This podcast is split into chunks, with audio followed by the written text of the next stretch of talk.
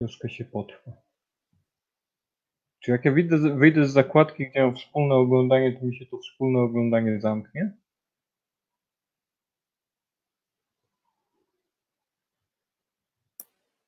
Nie mam pojęcia.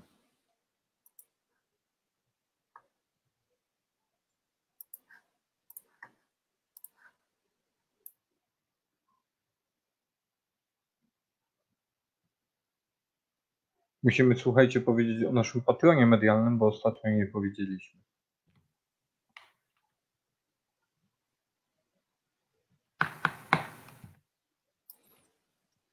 Tomek czyni honory. Mhm. 25. Ja mam za minutę, jeszcze czekam minutę. No jest za minutę. A ty widzisz, jak ci ludzie wchodzą? Bo tutaj nie ma żadnego. Wiesz co, widzę tutaj, że na przykład Zuzanna Ćwiąkała jest, że dołącza Piotr Rolka i że dołącza Karolina Rączka. Ale to widzę na Facebooku, nie widzę tutaj w StreamYardzie. I dołącza Piotr Dziadowicz. Z Piotrkiem pracowałem z, w Edisondzie. Słuchajcie, mi tu pokazuje 32 osoby. Cel osiągnięty. Tak jak mówiłeś. E, Cześć, słuchajcie, czy, czy nas słychać? Jesteśmy minutę 38 online. E, Ja bym prosił o jakiś komentarz, jeżeli ktoś nas słucha. O, jest Ola. Cześć Ola. Słuchasz nas, czy, czy tylko y, z grzeczności wysłałaś komentarz?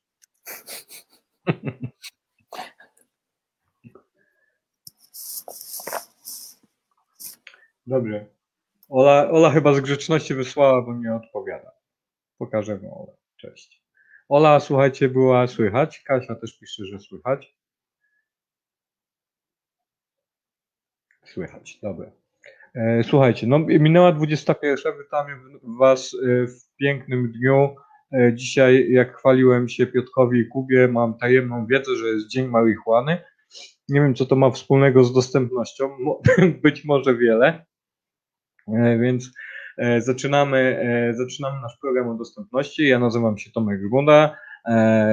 Ze mną jest Kuba Burek i Piotrek Zolka. Razem z Kubą prowadzimy podcast Digital Science Podcast o rzeczach fajnych w, w kontekście produktów cyfrowych i usług cyfrowych. E, Piotrek jest naszym gościem i Piotrek będzie opowiadał bardzo pięknie i bardzo wyczerpująco i bardzo go będziemy tutaj maglować. E, Będzie opowiadał o dostępności w produktach cyfrowych. Taki mamy, e, taki mamy tak bym chciał, żebyśmy dużo mówili o biznesie, o tym, jak ta, jak ta dostępność ma wpływ na, na biznes. Yy, Jak wyjdzie, jak zwykle zobaczymy, bo to live płynie czasami swoją, e, swoją ścieżką. Ja tylko jeszcze powiem, że mamy e, patrona medialnego, Product Design Magazine. E, To jest magazyn dla, targetowany do biznesu, który traktuje o designie, o produktach cyfrowych i usługach, czyli tak de facto bardzo fajnie się składamy w kontekście, w kontekście tematyki naszego bloga. Tam jest też o marketingu. No i to tyle. To panowie przywitajcie się. To zaczniemy Kuba od gościa, co? Cześć Piotrek. E, daję, tak. e, Cześć, e, Piotrek Źrołka. E, jestem projektantem, e, prowadzę małe studio UX-owe we Wrocławiu, też doradzam dla dużej firmy Automotive. E, jeżeli chodzi o dostępność, e, nie wiem ile mam czasu na przedstawienie, ale póki Tomek mnie nie ucieszy, to jeżeli chodzi o samą dostępność, też e, taka historia na samym początku, E, No miałem trochę farta, bo w 2007 roku, kiedy robiłem e, staż w Zielonym Banku, który już nie jest zielony, e, miałem właśnie mega okazję do tego, żeby e, być w zespole dwuosobowym z Michałem, e, którego pozdrawiam, deweloperem. No i dostaliśmy mm, rzecz niemożliwą. E, e, Nasz menadżer rzucił e, jakąś tam kasę, na stół, przysłowiowo na kasę na stół I mówił, chłopaki, coś jest, coś, jakiś jest termin, dostępność, weźcie, ogarnijcie i, i zróbcie to. No i my zaczęliśmy czytać, szukać i można powiedzieć, że od tego momentu, no 13 lat temu spotkałem się pierwszy raz z terminem z dostępności no Tutaj i cały czas postawił kropkę, bo to jest bardzo fajna historia i ja przebieram nogami, żeby jej posłuchać, ale musimy, musi nam się jeszcze przedstawić Kuba, powiedzieć kilka słów, bo e, Kuba e, jest tutaj głosem marketingu, głosem marki, głosem wizerunkowym, więc bardzo będzie pewnie naciskał e, w kontekście tego, jak ta dostępność, jaki ma impact na to. Kubo, bardzo proszę. Będę się starał przynajmniej. Tu wycisnąć z Piotrka co nieco.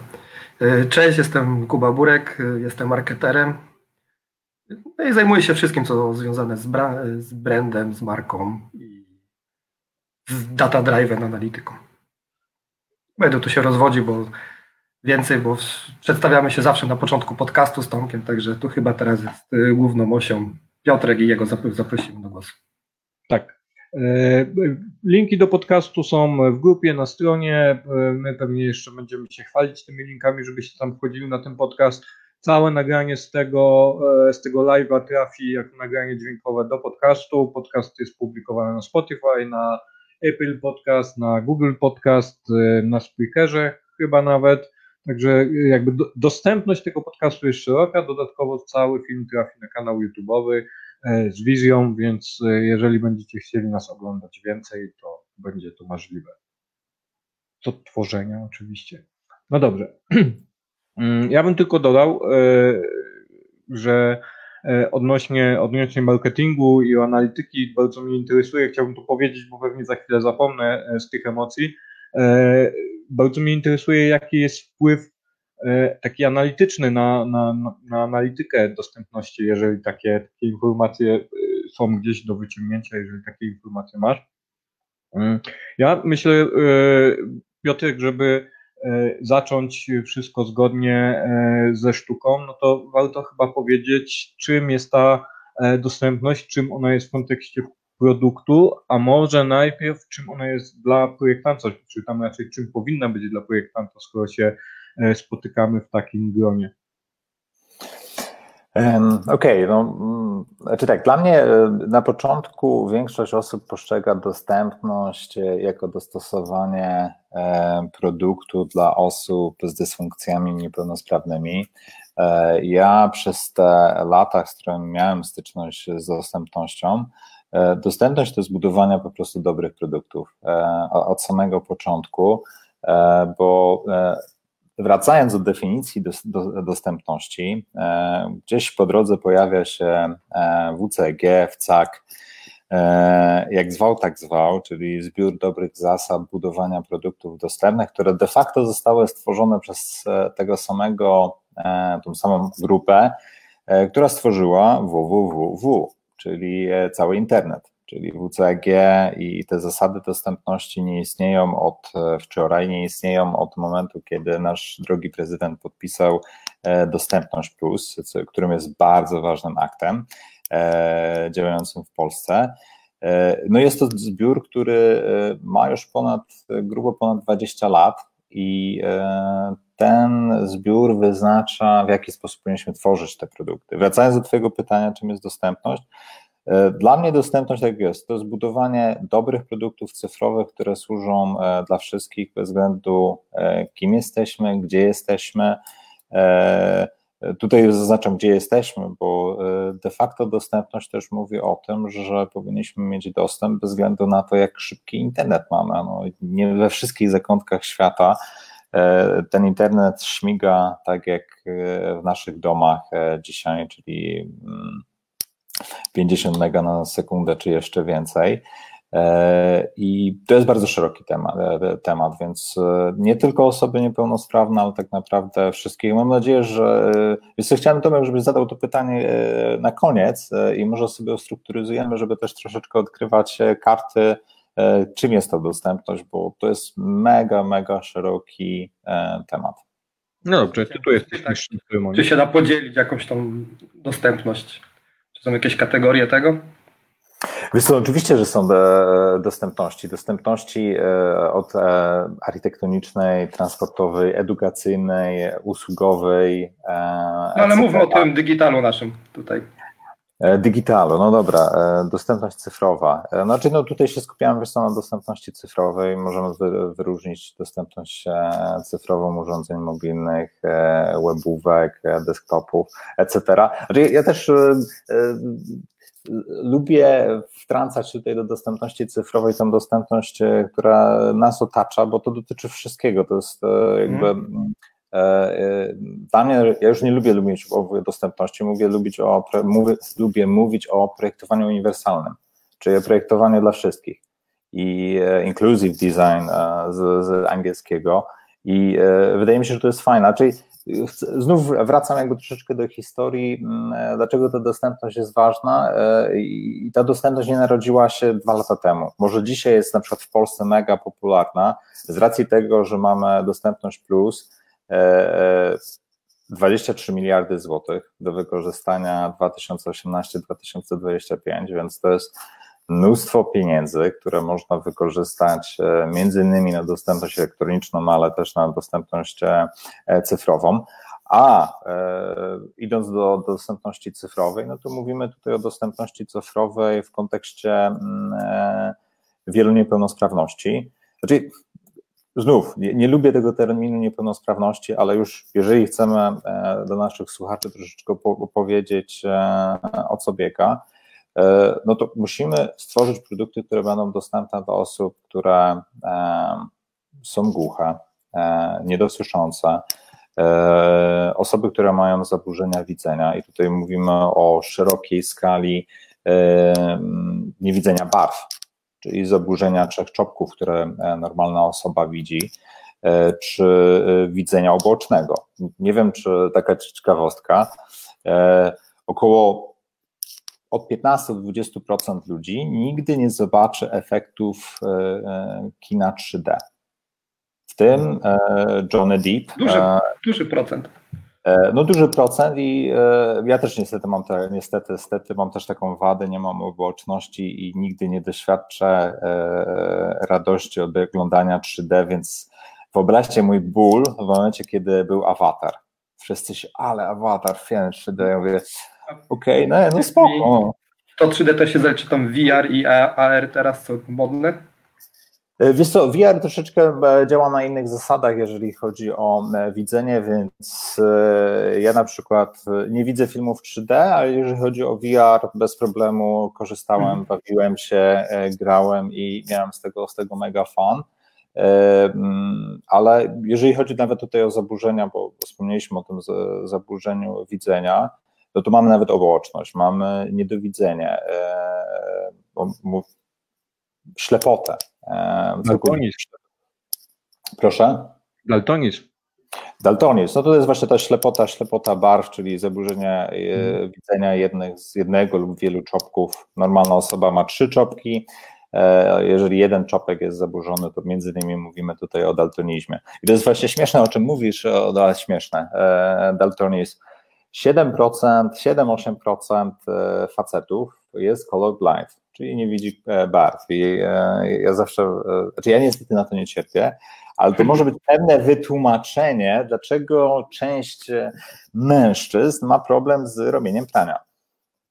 Nie wiecie, no colorblind, nie widzę barw, no, że jest kolorowe, czarne, no bez znaczenia, wrzucamy wszystko do pralki i pierzemy.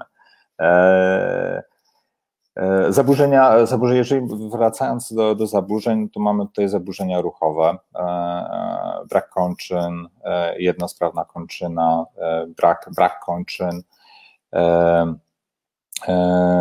No i od jakiegoś czasu WHO też definiuje zaburzenia z czytaniem, uczeniem się jako niepełnosprawność. I tym osobom możemy pomóc w kontekście zasad, które są stworzone, e, które są zdefiniowane e, przez WCG. To ciekawe. Bardzo ciekawe. E, słuchaj, e, Piotr, to może ja tak sobie myślę, e, bardzo dużo tych rzeczy wymieniłeś, będziemy pewnie przechodzić po kolei, bo to zapewne są różne zabiegi projektowe do tego, żeby odpowiadać na te, na te niepełnosprawności różnego rodzaju. Ja tak sobie myślę, że może zacznijmy też od liczb trochę, bo to są te kwoty, które nam tam szybciutko przytaczałeś, te, te liczby, które nam przytaczałeś E, w kontekście biznesu, zysków, e, strat i tak dalej, i tak dalej, robią kolosalne wrażenie, e, bo tak sobie myślę, że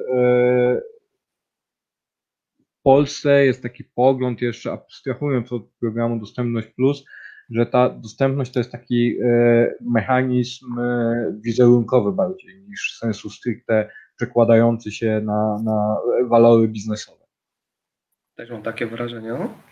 No, wiesz co, zdecydowanie tak. Znaczy, ja widzę, znaczy miałem trochę szczęście być w Stanach i w, różnych innych e, krajach i rzeczywiście no tutaj w Polsce e, po pierwsze e, mało osób rozumie dostępność, mało osób wyciąga, mm, tak fajnie to podkreśliliście, wartości biznesowe, bo dostępność może być bardzo opłacalna, E, I tutaj e, historia Tesco, która jest chyba mm, e, takim podstawowym case'em, kiedy mówimy o dostępności.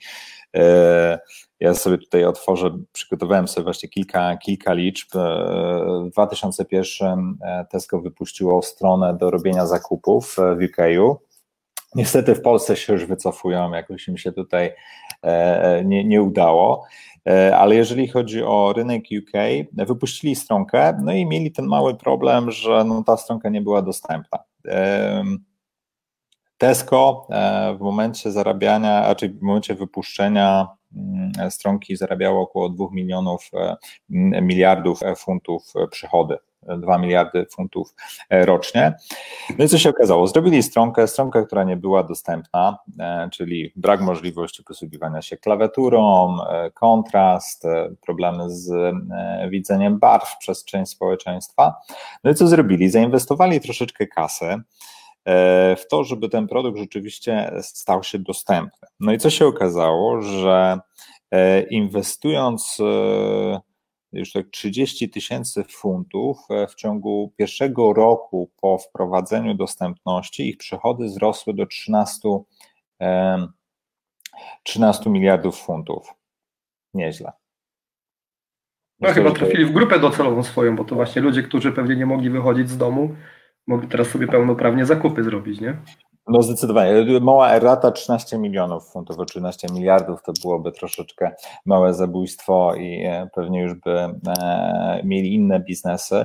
E, ale tak, to pokazuje 2 miliony przed, 3 miliony, 13 milionów po wprowadzeniu dostępności. To jest całkiem niezłe ROI gdzie ich badania polegało na że w ogóle jak podeszli do dostępności, zaprosili kilka osób z dysfunkcjami, E, wzroku, słuchu e, ruchowym, e, tak żeby zweryfikować, no dobra, co powinniśmy zrobić i w ogóle zrozumieć ich, bo to samo odnoszeniu tego, co się dzieje w Polsce, to samo było w UK, tylko że to było 2000, 2001, czyli ponad 18, 19, 20 lat temu. W Polsce mało kto rozumie, czym jest dostępność taka, taka historyjka ostatnio z partnerem. Jest dużo przetargów związanych z dostępnością. Zgłaszamy się na przetarg budowy mm, e, strony internetowej szkoły wyższej. No i oczywiście jest WCG. Dlaczego to jest też ważne? Bo Dostępność Plus narzuca na e, publiczne e, strony by były dostępne na poziomie WCAG 2.0, na poziomie e, podwójnego A. Może sobie później powiemy, o co w ogóle chodzi z tym podwójnym A. Na pewno. E, e, I co się dzieje? Wygrywa firma, która daje 8 razy mniej niż średnia innych firm. No i co my robimy? My wchodzimy sobie na stronę tej firmy, no i mówi, tak, robimy dostępne produkty. E, patrzymy na portfolio. No i większość tych produktów to są rozwiązania WordPressowe dla mniejszych i większych miast w Polsce, e, które już działają. I się co okazuje, jest ładny, piękny pasek z kontrastem, powiększeniem tekstu i jesteśmy dostępni. A jak zaczynamy korzystać z klawiatury, czy sprawdzamy kontrast, to jesteśmy gdzieś daleko. Albo yy, page title, czyli tytuł strony, jest cały czas ten sam dla, dla wszystkich podstron. Mhm. Teraz... Mhm. Piotr, to e, dosyć może być abstrakcyjne takie opowiadanie o tym, co jest widoczne, co jest niewidoczne. Czy ty mógłbyś tak szybciutko z głowy wyciągnąć, e, nie wiem, dwa E, dwa przykłady, jak się powinno robić dostępność, a jak się nie powinno robić. Nie muszą być polskie przykłady. Masz takie e, linki sobie. Wiesz co, e, strasznie lubię pokazywać USGov, czyli strona USGov, która jest całkiem fajnie, fajnie dostępna. A antyprzykład SameGov, SameGov z naszego polskiego podwórka E, autentycznie e, straszny przykład, jeżeli chodzi o dostępność. E, nie wiem, czy to jak będziesz chciał to pokazywać i szerować. Może ty wyszedł to dobrze. No właśnie, może byś opowiedział od razu. Nie? Rzeczy, które się, które się dzieją. Ja w międzyczasie powiem, ty sobie tam znajdź te strony i, i, i wrzuć do szerowania. Ja w międzyczasie powiem, jest nas 34 osoby, w szczytowym momencie było 60, ale szybko padło. Nie wiem czemu. E, w każdym razie jest nas 34 osoby. Bardzo Wam dziękuję, że jesteście z nami. To po pierwsze. A po drugie, najważniejsze, e, jeżeli macie pytania do Piotra, jeżeli macie pytania też do nas, e, oczywiście w pierwszej kolejności pytania dotyczące dostępności, w drugiej kolejności wszystkie inne pytania. O, jest jedno pytanie. E, o tym pewnie Piotr też będzie mówił, ja to wyświetlam. E, Kasiu, za chwilę Piotrek odpowie na Twoje pytanie, tylko pokażemy te dwa przykłady tych stron, które działają i nie działają. Jeżeli macie pytania, śmiało piszcie, ja będę wyświetlał. Piotrek będzie produkował tutaj treści. Dobra. E, nie wiem, czy widzicie mój ekran. Widzimy. Widzimy. Dobra.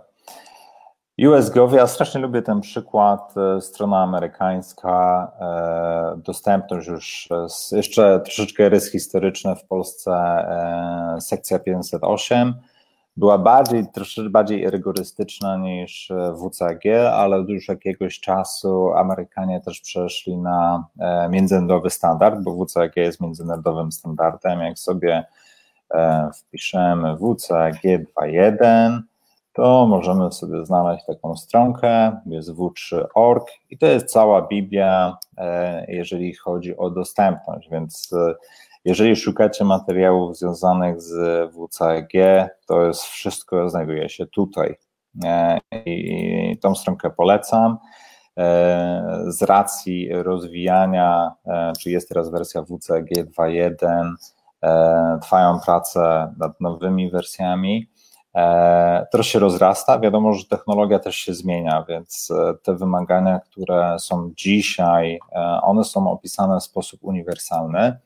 Na przykład jedno wymaganie mówi o tym, że kolejność czytania powinna być logiczna i to działa zarówno na strony stworzone w kulturze zachodniej, jak i arabskiej bo wiadomo, że u nas czytamy z lewej do prawej, w kulturze arabskiej od prawej do lewej.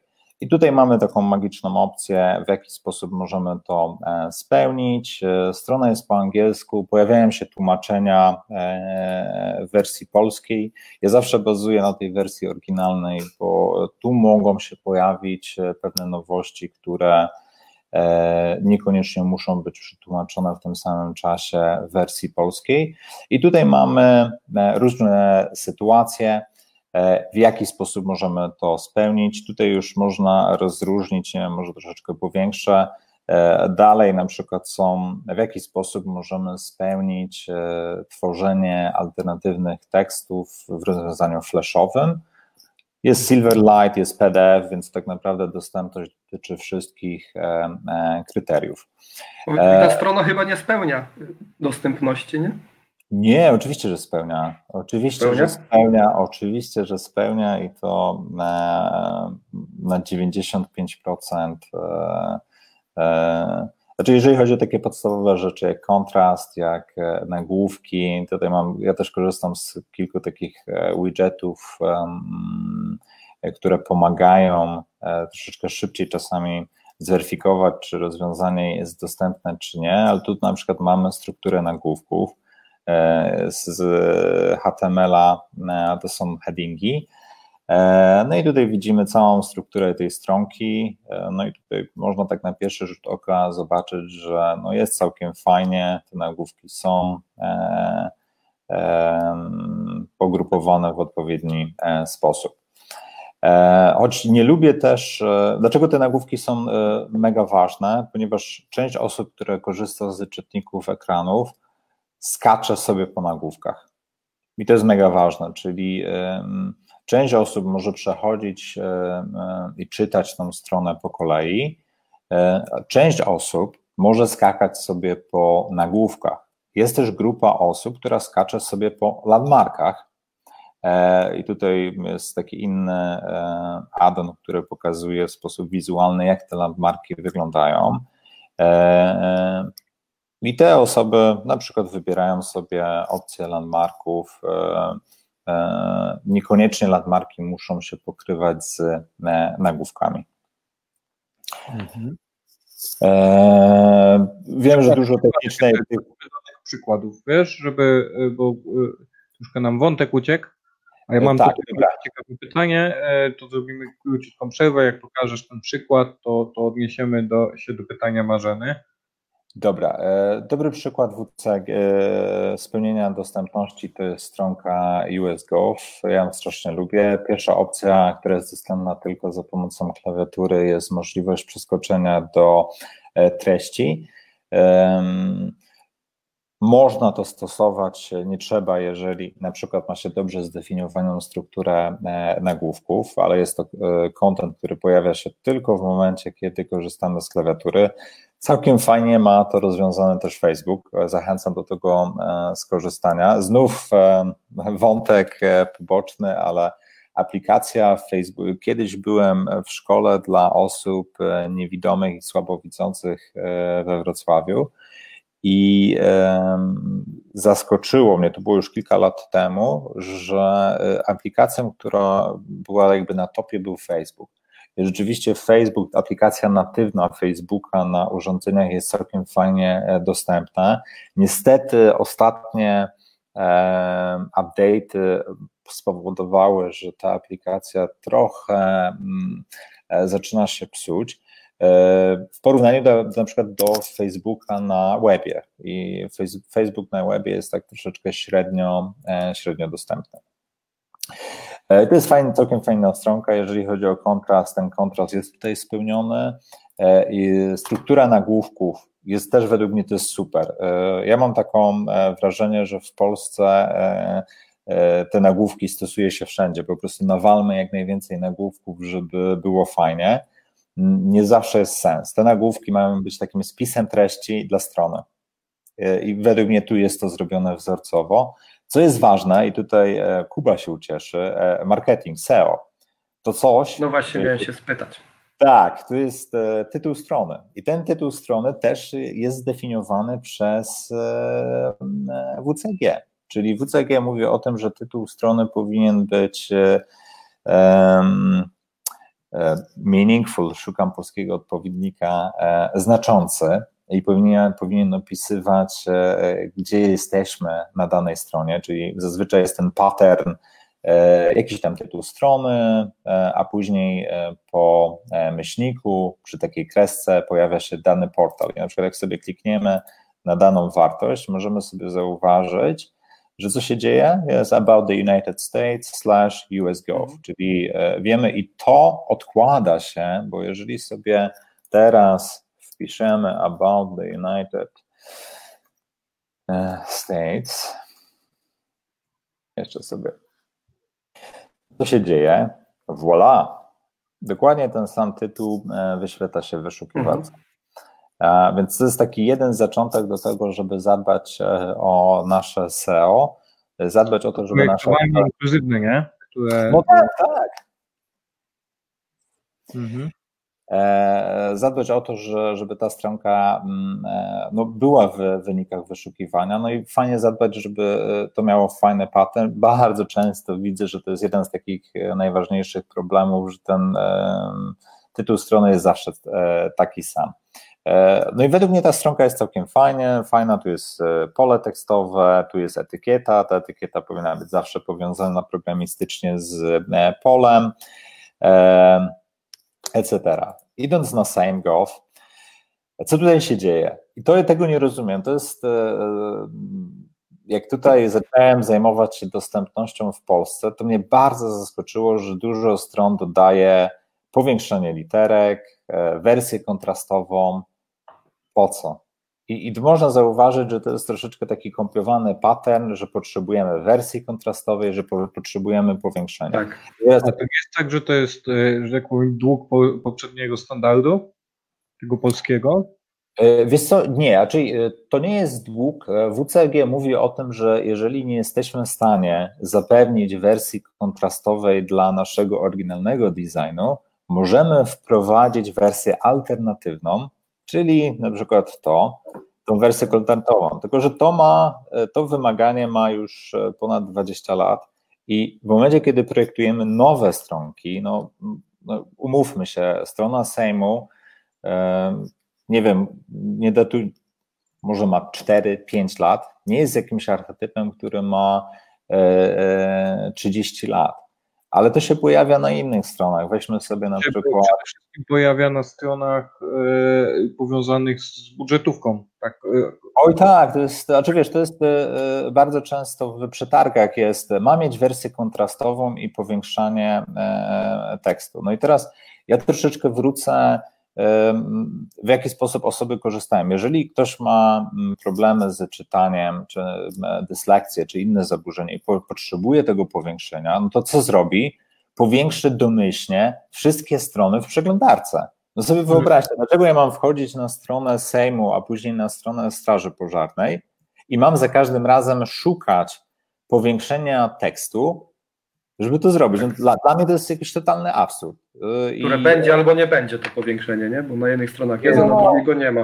Wymaganie przetargu tak, no tutaj sobie popatrzmy, no powiększymy, no i co się dzieje? No to powiększenie trochę średnio, bo, bo co się powiększyło? Popatrzcie różnicę, tak? Tu jest e, nawigacja, powiększam sobie, no i strasznie super się powiększyło, ja się naprawdę cieszę, no działa, działa, tak? Powiększyło się fantastycznie, możemy iść do domu i wszyscy są szczęśliwi. No ale jak sobie wejdziemy w szczegóły, to trochę to średnio wygląda. Dobra. Mamy e, najpierw przykład, e, Jezu, pytanie od e, Kasi odnośnie wtyczek. Pewnie chodzi, Kasi, o te wtyczki, które tam pokazywałeś, jakie, jakie polecasz do wykorzystania przy weryfikacji stron pod kątem dostępności. Ja od razu powiem, że postaramy się namówić Piotka, żeby zrobił takie e, podsumowanie, żeby można było e, znaleźć te wszystkie narzędzia i, i, i kluczowe liczby i opublikujemy je w jakiś sposób taki dostępny. A teraz proszę Piotr, jakbyś mógł. Jakie widżety, wtyczki polecasz do wykorzystywania przy weryfikacji stron pod kątem dostępności? Kurczę, wiesz co, tych wtyczek jest y, trochę i trochę. Pojawiają się nowe z racji y, digitalizacji, tego co, co się dzieje przy koronawirusie, ale też nie tylko, to jest troszeczkę taka przyspieszona digitalizacja. Jeżeli chodzi o wtyczki, każda, żadne, nie ma wtyczki, która jest idealna, bo mm, o czym trzeba pamiętać? Ja na przykład jak robię audyt czy weryfikuję, staram się zaglądać jak wygląda kod, czyli czytać jak najwięcej z tego kodu i nie chciałbym polecieć żadnych e, wtyczek, bo na przykład kiedyś jeszcze Wave był e, mega fajną wtyczką, według mnie dzisiaj się totalnie zepsuł i pokazuje dużo nieprawdy. E, nawet ta wtyczka, którą pokazywałem, ona się nazywa Headings Map, ona też ma swoje minusy i plusy, bo na przykład ona pokazuje e, niewidoczne nagłówki, które są wykomentowane. No i trzeba mieć jakby świadomość, e, jak to odkryłem, no odkryłem to po prostu organoleptycznie, czyli doświadczyłem tego, że nagle zobaczyłem, ale hola hola, to jest troszeczkę za dużo nagłówków, dlaczego? E, więc nie ma idealnych nagłówków. Każdy nagłówek jest, e, ma swoje plusy i minusy. Nawet dzisiaj e, w przeglądarce Chrome jest wbudowany mm, Accessibility Report taki, może pokażę później, jak będę szerował. I on też jest fajny. Te nagłówki tylko pokazują dla mnie, czy jest źle, czy bardzo źle. Mhm. Ja nigdy. Które na przykład, nie wiem, stowarzyszenia czy fundacje zajmujące się dostępnością tak oficjalnie mówią, słuchajcie, korzystajcie z tej wtyczki do wstępnego audytu strony produktu, czegokolwiek. Czy jest jakiś taki e, zbiór dobrych e, praktyk w sensie takim narzędziowym? Znaczy wiesz co, e, same WCG ma na swojej stronie ponad 100 wtyczek, które rekomenduje i, e, i poleca i, i to jest 100 wtyczek. Czyli 100 wtyczek, które pozwalają nam w jakiś sposób e, pomóc stwierdzić, czy jak, jak to fajnie nazywam, jest źle, czy jest bardzo źle. E, bo co robią wtyczki? Wtyczki analizują oczywiście kod HTML-owy. E, wiadomo, że wtyczki działają tylko przy przeglądarce. Na przykład dla mnie mm, najlepszym narzędziem na Windowsa, które audytuje właściwie wszystko, jest Inspect, który jest zbudowany w system. I to jest coś, co, co działa i E, i według mnie działa świetnie. Ma jeden minus, że jak ma się wolną maszynę, to e, czasami po 10 minutach trzeba go zrestartować, ale to może produkty Microsoftu tak po prostu mają. Lubią się od czasu do czasu e, zrestartować. A jeżeli chodzi o wtyczki, ja bym nie chciał polecać, bo każda wtyczka ma swoje plusy i minusy. Warto je testować. I, i, znaczy ja na, na podstawie żadnej wtyczki nie podjąłbym decyzji, czy e, coś jest dostępne, czy niedostępne. Wtyczka, tak teraz sobie na przykład włączyłem, wtyczka pokazała mi 4-5 e, nagłówków na US Gov e, i spoko, wchodzę na stronkę HTML, rzeczywiście zaczynam to weryfikować, później mogę jeszcze dodatkowo sobie zweryfikować to czytnikiem ekranu, i tutaj mówię zweryfikować. E, też czytniki ekranu nie powinny być wykorzystywane do tego, czy stwierdzać, czy coś jest dostępne, czy nie. Dlaczego? Bo każda e, czytnik ekranu, jak jest, w ogóle co, czym jest czytnik ekranu? Czytnik ekranu to jest taka maszynka, która czyta e, to, co jest na ekranie, to, co jest w kodzie dla użytkownika. Mamy e, trzy najpopularniejsze: mm, NVDA, JAWS, e, VoiceOver. Oczywiście jest mnóstwo innych, jest jakiś tam Chromevox, e, mhm. powstają nowe. Fajnie, że wbudowany czytnik. Proszę? Edge nowy, ten na Chrome ma wbudowany czytnik. Tak, ma. Czyli to, to jest, Windows też ma wbudowany czytnik do, do weryfikacji. Fajnie, że coś takiego powstaje, bo fajna też historia JOWSa i NVDA, te czytniki zostały stworzone przez osoby, które e, straciły wzrok albo były niewidome, więc e, to nie były osoby, które e, powiedzmy widziały, tylko utraciły zdolność widzenia i powiedziały, nie, ja chcę rzeczywiście dalej korzystać z produktów cyfrowych, no i zaczęły tworzyć JAWSa, JAWSa koleś stracił wzrok podczas wypadku motocyklowego abstrakt. Czytniki, czytniki ekranu e, czytają to, co jest e, pod spodem, czyli kod HTML-owy. I ten kod HTML-owy, w zależności od tego, jak jest napisany i pod jaką przeglądarką się e, wyświetla, może być przeczytany różnie. To jest ważne, czyli jeżeli byśmy chcieli korzystać, ja to może podzielę się moim ekranem, Spróbuję teraz e, wyszerować tylko jedną tapkę. E, Tomku, czy widać? Mhm, widać. No, to jest bardzo fajna stronka i ją polecam. To jest Power Mapper i on pokazuje jakby dużo statystyk. Jest to strona odświeżana i ona pokazuje też w jaki sposób pokrywają się czytniki ekranu z daną wersją przeglądarki jeżeli chodzi o mm, zbudowanie stronki wykorzystującą HTML, CSS i ARIA. No i tutaj, jak widzicie, tutaj nie ma nigdzie pokrycia 100%, czyli oznacza to, jeżeli stworzymy stronę z wykorzystaniem HTML, CSS i ARIA, czyli wiem, piszemy na przykład wykres za pomocą ARIA, żeby był dostępny, Nawet przeglądarka JAWS Internet Explorer wersji IE 11 będzie miał jakieś tam pokrycie 90%.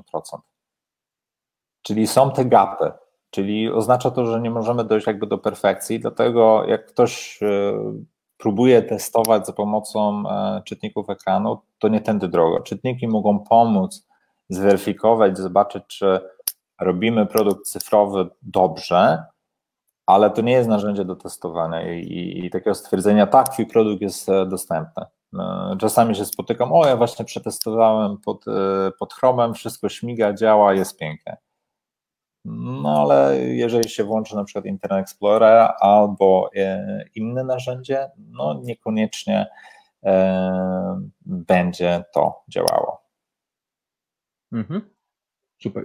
E, to słuchajcie, to ja zrobimy taką sobie króciutką przerwę od tej dostępności. Powiem Ci, Piotrek, że to jest ogólnie trudny temat. Znaczy, taki typowo UX-owy, bo cały czas jak mówiłeś o tych wtyczkach, to ja miałem w głowie to zależy, nie? Od tego. E, a ty wiesz co, e, ty, wiesz co, tak to trochę zależy e, od wielu, od wielu rzeczy, ale odnośnie tych wtyczek. Na przykład dla mnie, no to jest wszystkie przetargi, wszystkie stronki governments mają tą wtyczkę. Wchodzisz na rynek amerykański, czy na przykład UK, który jest też bardzo dojrzały, jeżeli chodzi o dostępność tam nie ma czegoś takiego jak plusik czy wersja kontrastowa, bo z punktu widzenia biznesu czy e, zespołu programistycznego to jest coś, co musisz utrzymywać. A coś, co może utrzymywać, znaczy, że w pewnym momencie może e, wybuchnąć.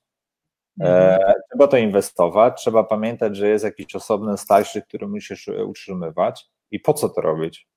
No, już od tego, że e, mam na tyle dojrzałą technologię w, w kontekście responsywności na powiększanie i, i teraz praktycznie każda strona jest LWD lub AWD, e, że, że, że w ogóle nie ma tutaj problemu. Jak ktoś sobie powiększy odpowiednio duże będzie miał fonty, to po prostu kontent się złoży e, w widok mobilny i, i to właściwie do tego się sprowadza teraz. Nie? Wersja kontrastowa tak samo. No teraz przeglądarki mają wbudowane wersje kontrastowe i przepisują automatycznie jakby widok na wersję e, kontrastową z ciemnym tłem, nie?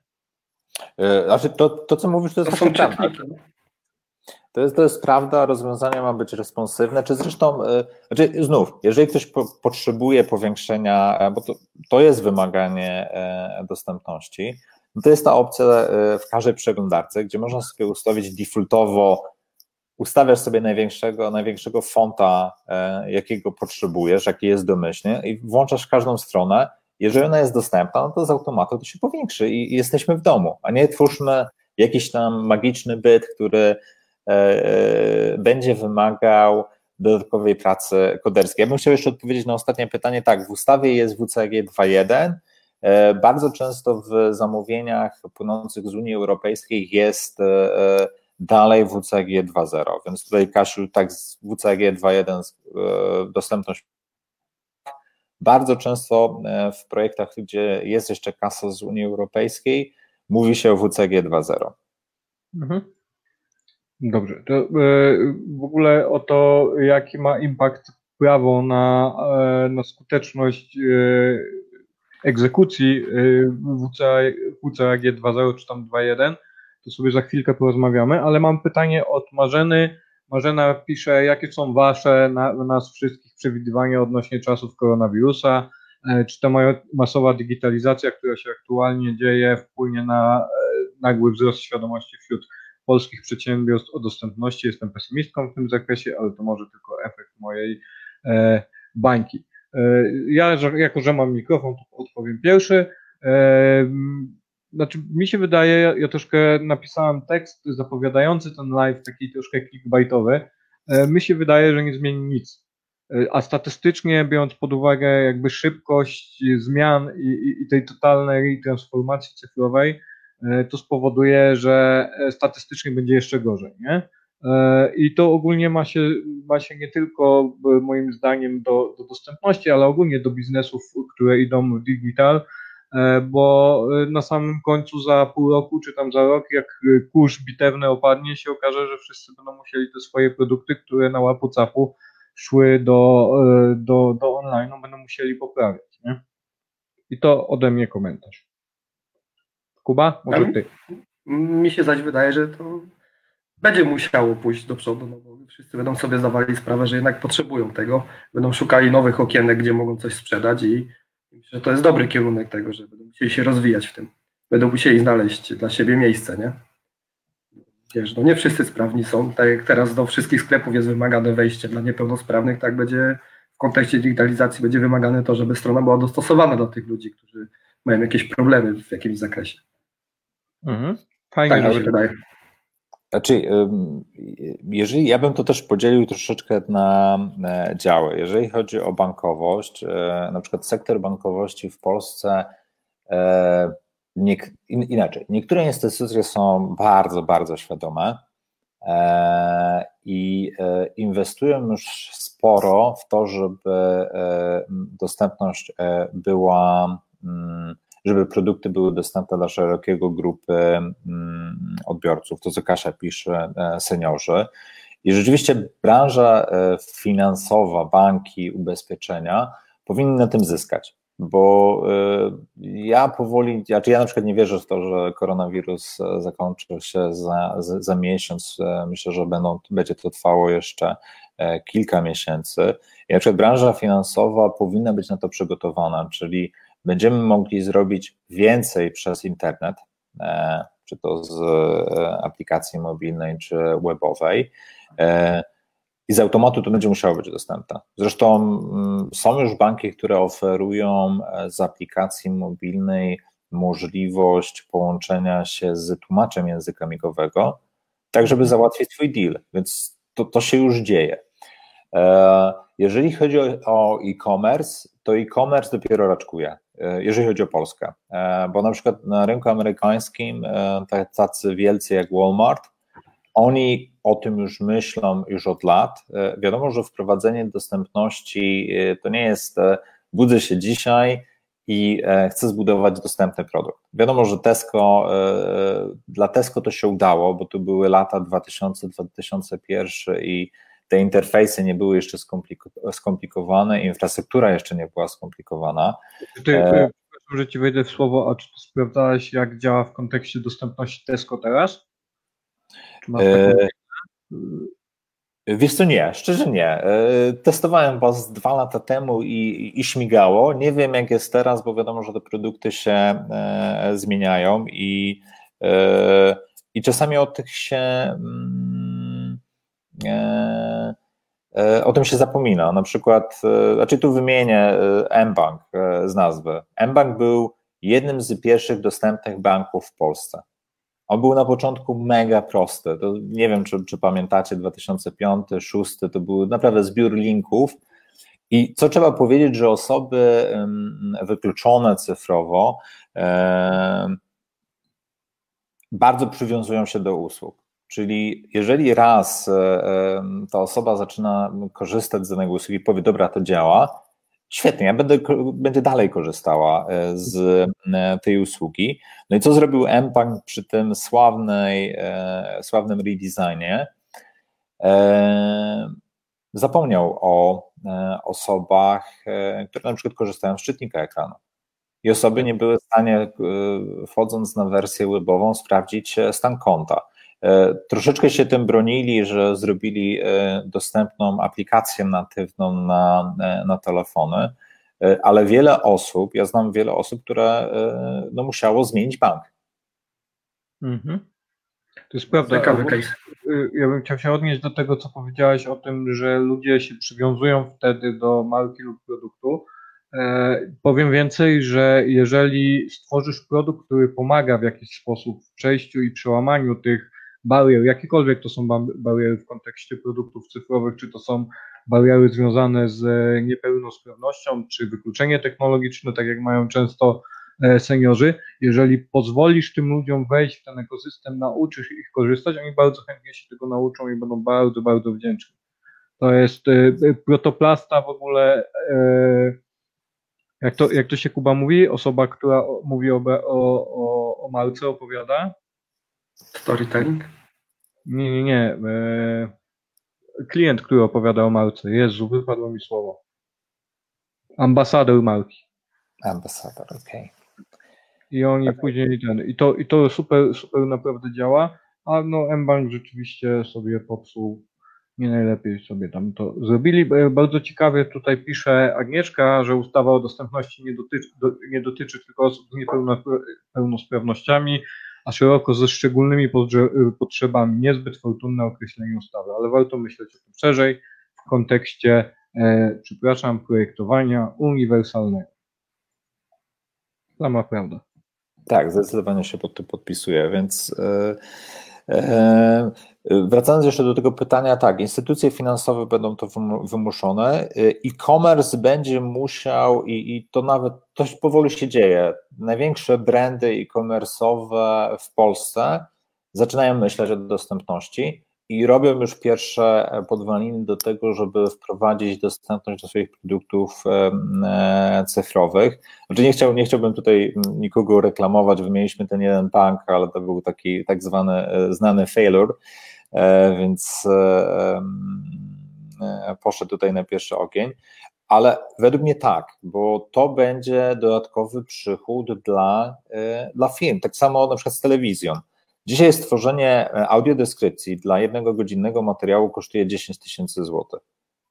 W Polsce, w telewizji publicznej, e, mamy najniższy odsetek e, napisów w całej Unii Europejskiej. Średnio około to jest 70%, w Polsce to jest 20-25%. Czyli osoby e, głuche, osoby, które chcą korzystać z napisów, ale znaczy mówimy też dużo o osobach niepełnosprawnych, ale ja, ja opowiem swoją prywatną e, opowieść. Niedawno zostałem ojcem i e, wiadomo, oglądało się jakieś seriale na znanych platformach streamingowych. No i w tym momencie, kiedy pojawiło się dziecko, kurczę, obejrzymy sobie coś, ale nie chcemy go obudzić. To co? Dźwięk na dwa, włączamy napisy i teraz te napisy są też dla mnie. I znaczy ja mam takie wrażenie, że e, mało mówimy, właśnie dużo mówimy o niepełnosprawnościach i tak dalej, to jest dla nas wszystkich, na przykład obsługa klawiatury. Ile razy otwarcie sobie Alt e, Tab, czy przerzucenie na inną e, okienko, to, to jest właśnie dostępność, czyli danie możliwości obsługi tego samego, co można zrobić za pomocą myszki z klawiatury. Jest taki fajny filmik, e, filmik e, od Apple, który pokazuje, że osoba, która posługuje się, siedzi na wózku i posługuje się za pomocą ruchami głowy i są dwa przyciski, obsługuje iMovie.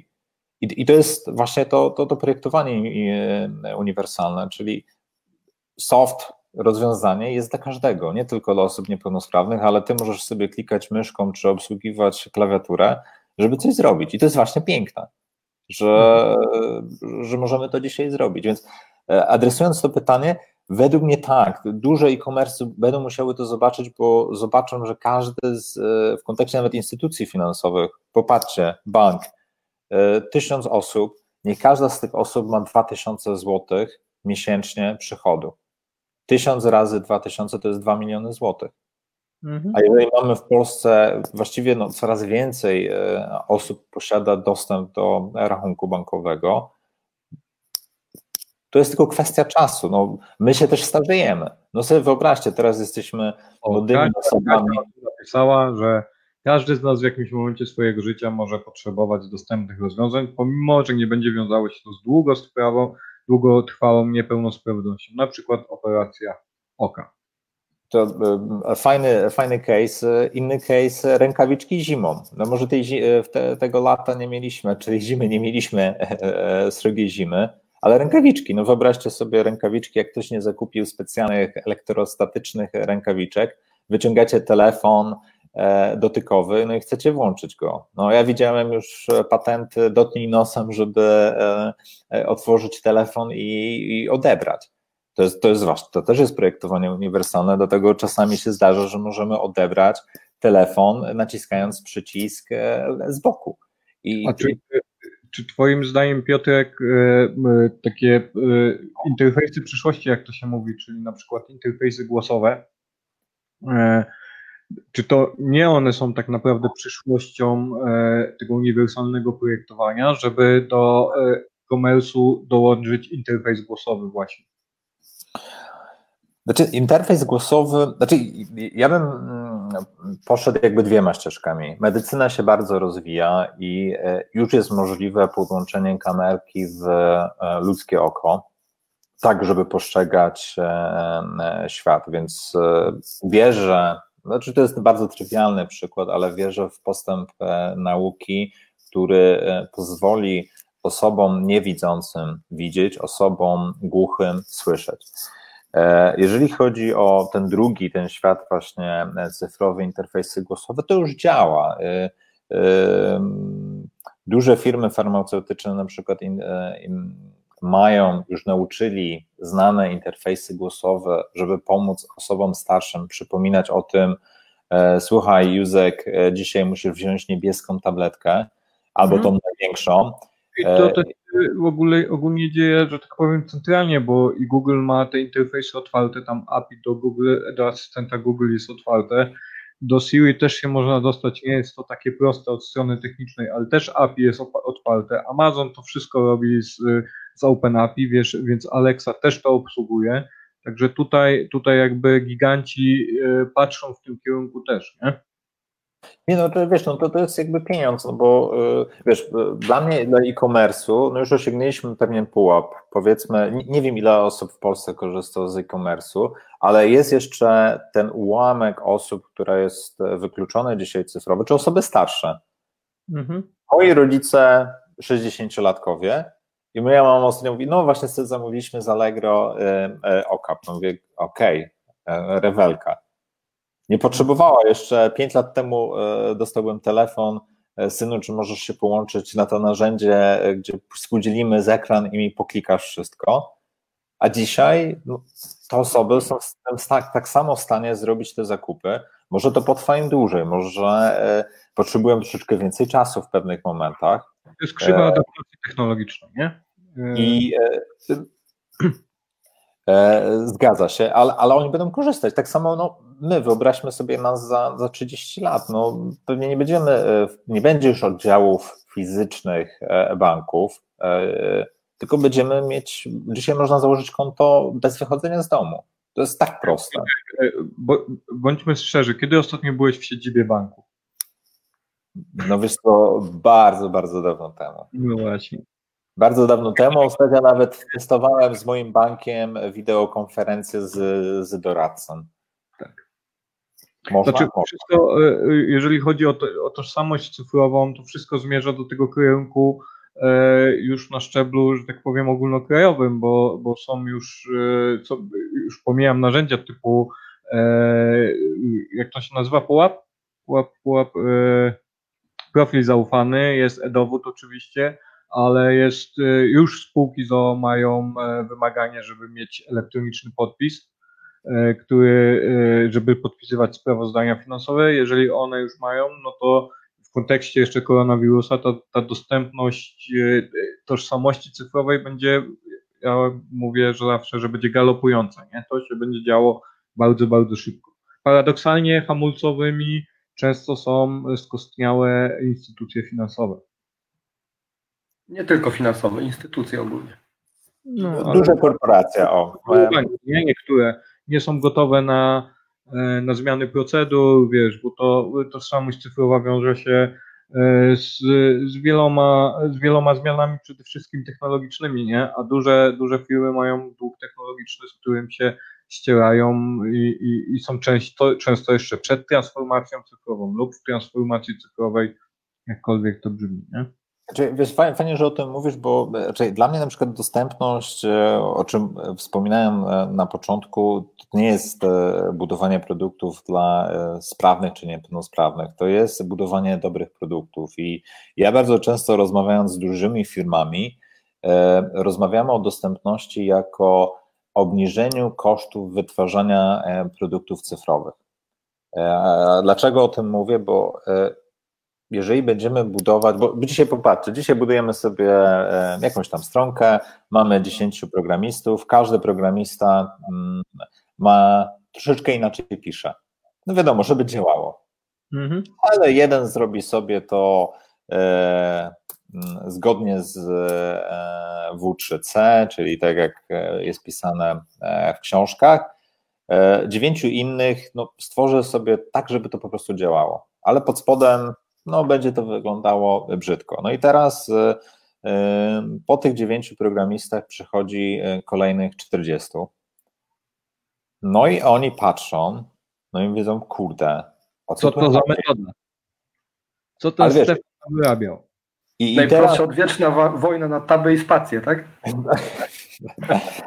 I teraz wracamy jeszcze, wracamy jeszcze wcześniej krok. Edukacja. Ja będąc e, gościem na e, kilku uniwersytetach w Polsce e, i zresztą też pamiętam swoje studia, o dostępności mieliśmy godzinę. I było to zamknięcie kolorów, daltonizm, że niektóre osoby widzą i postrzegają inaczej otaczający nas świat. I to wszystko, co zapamiętałem z, z uczenia, co miałem, czyli to była godzina. E, polskie uniwersytety, politechniki mają 2-3 godziny dostępności w ciągu całych studiów.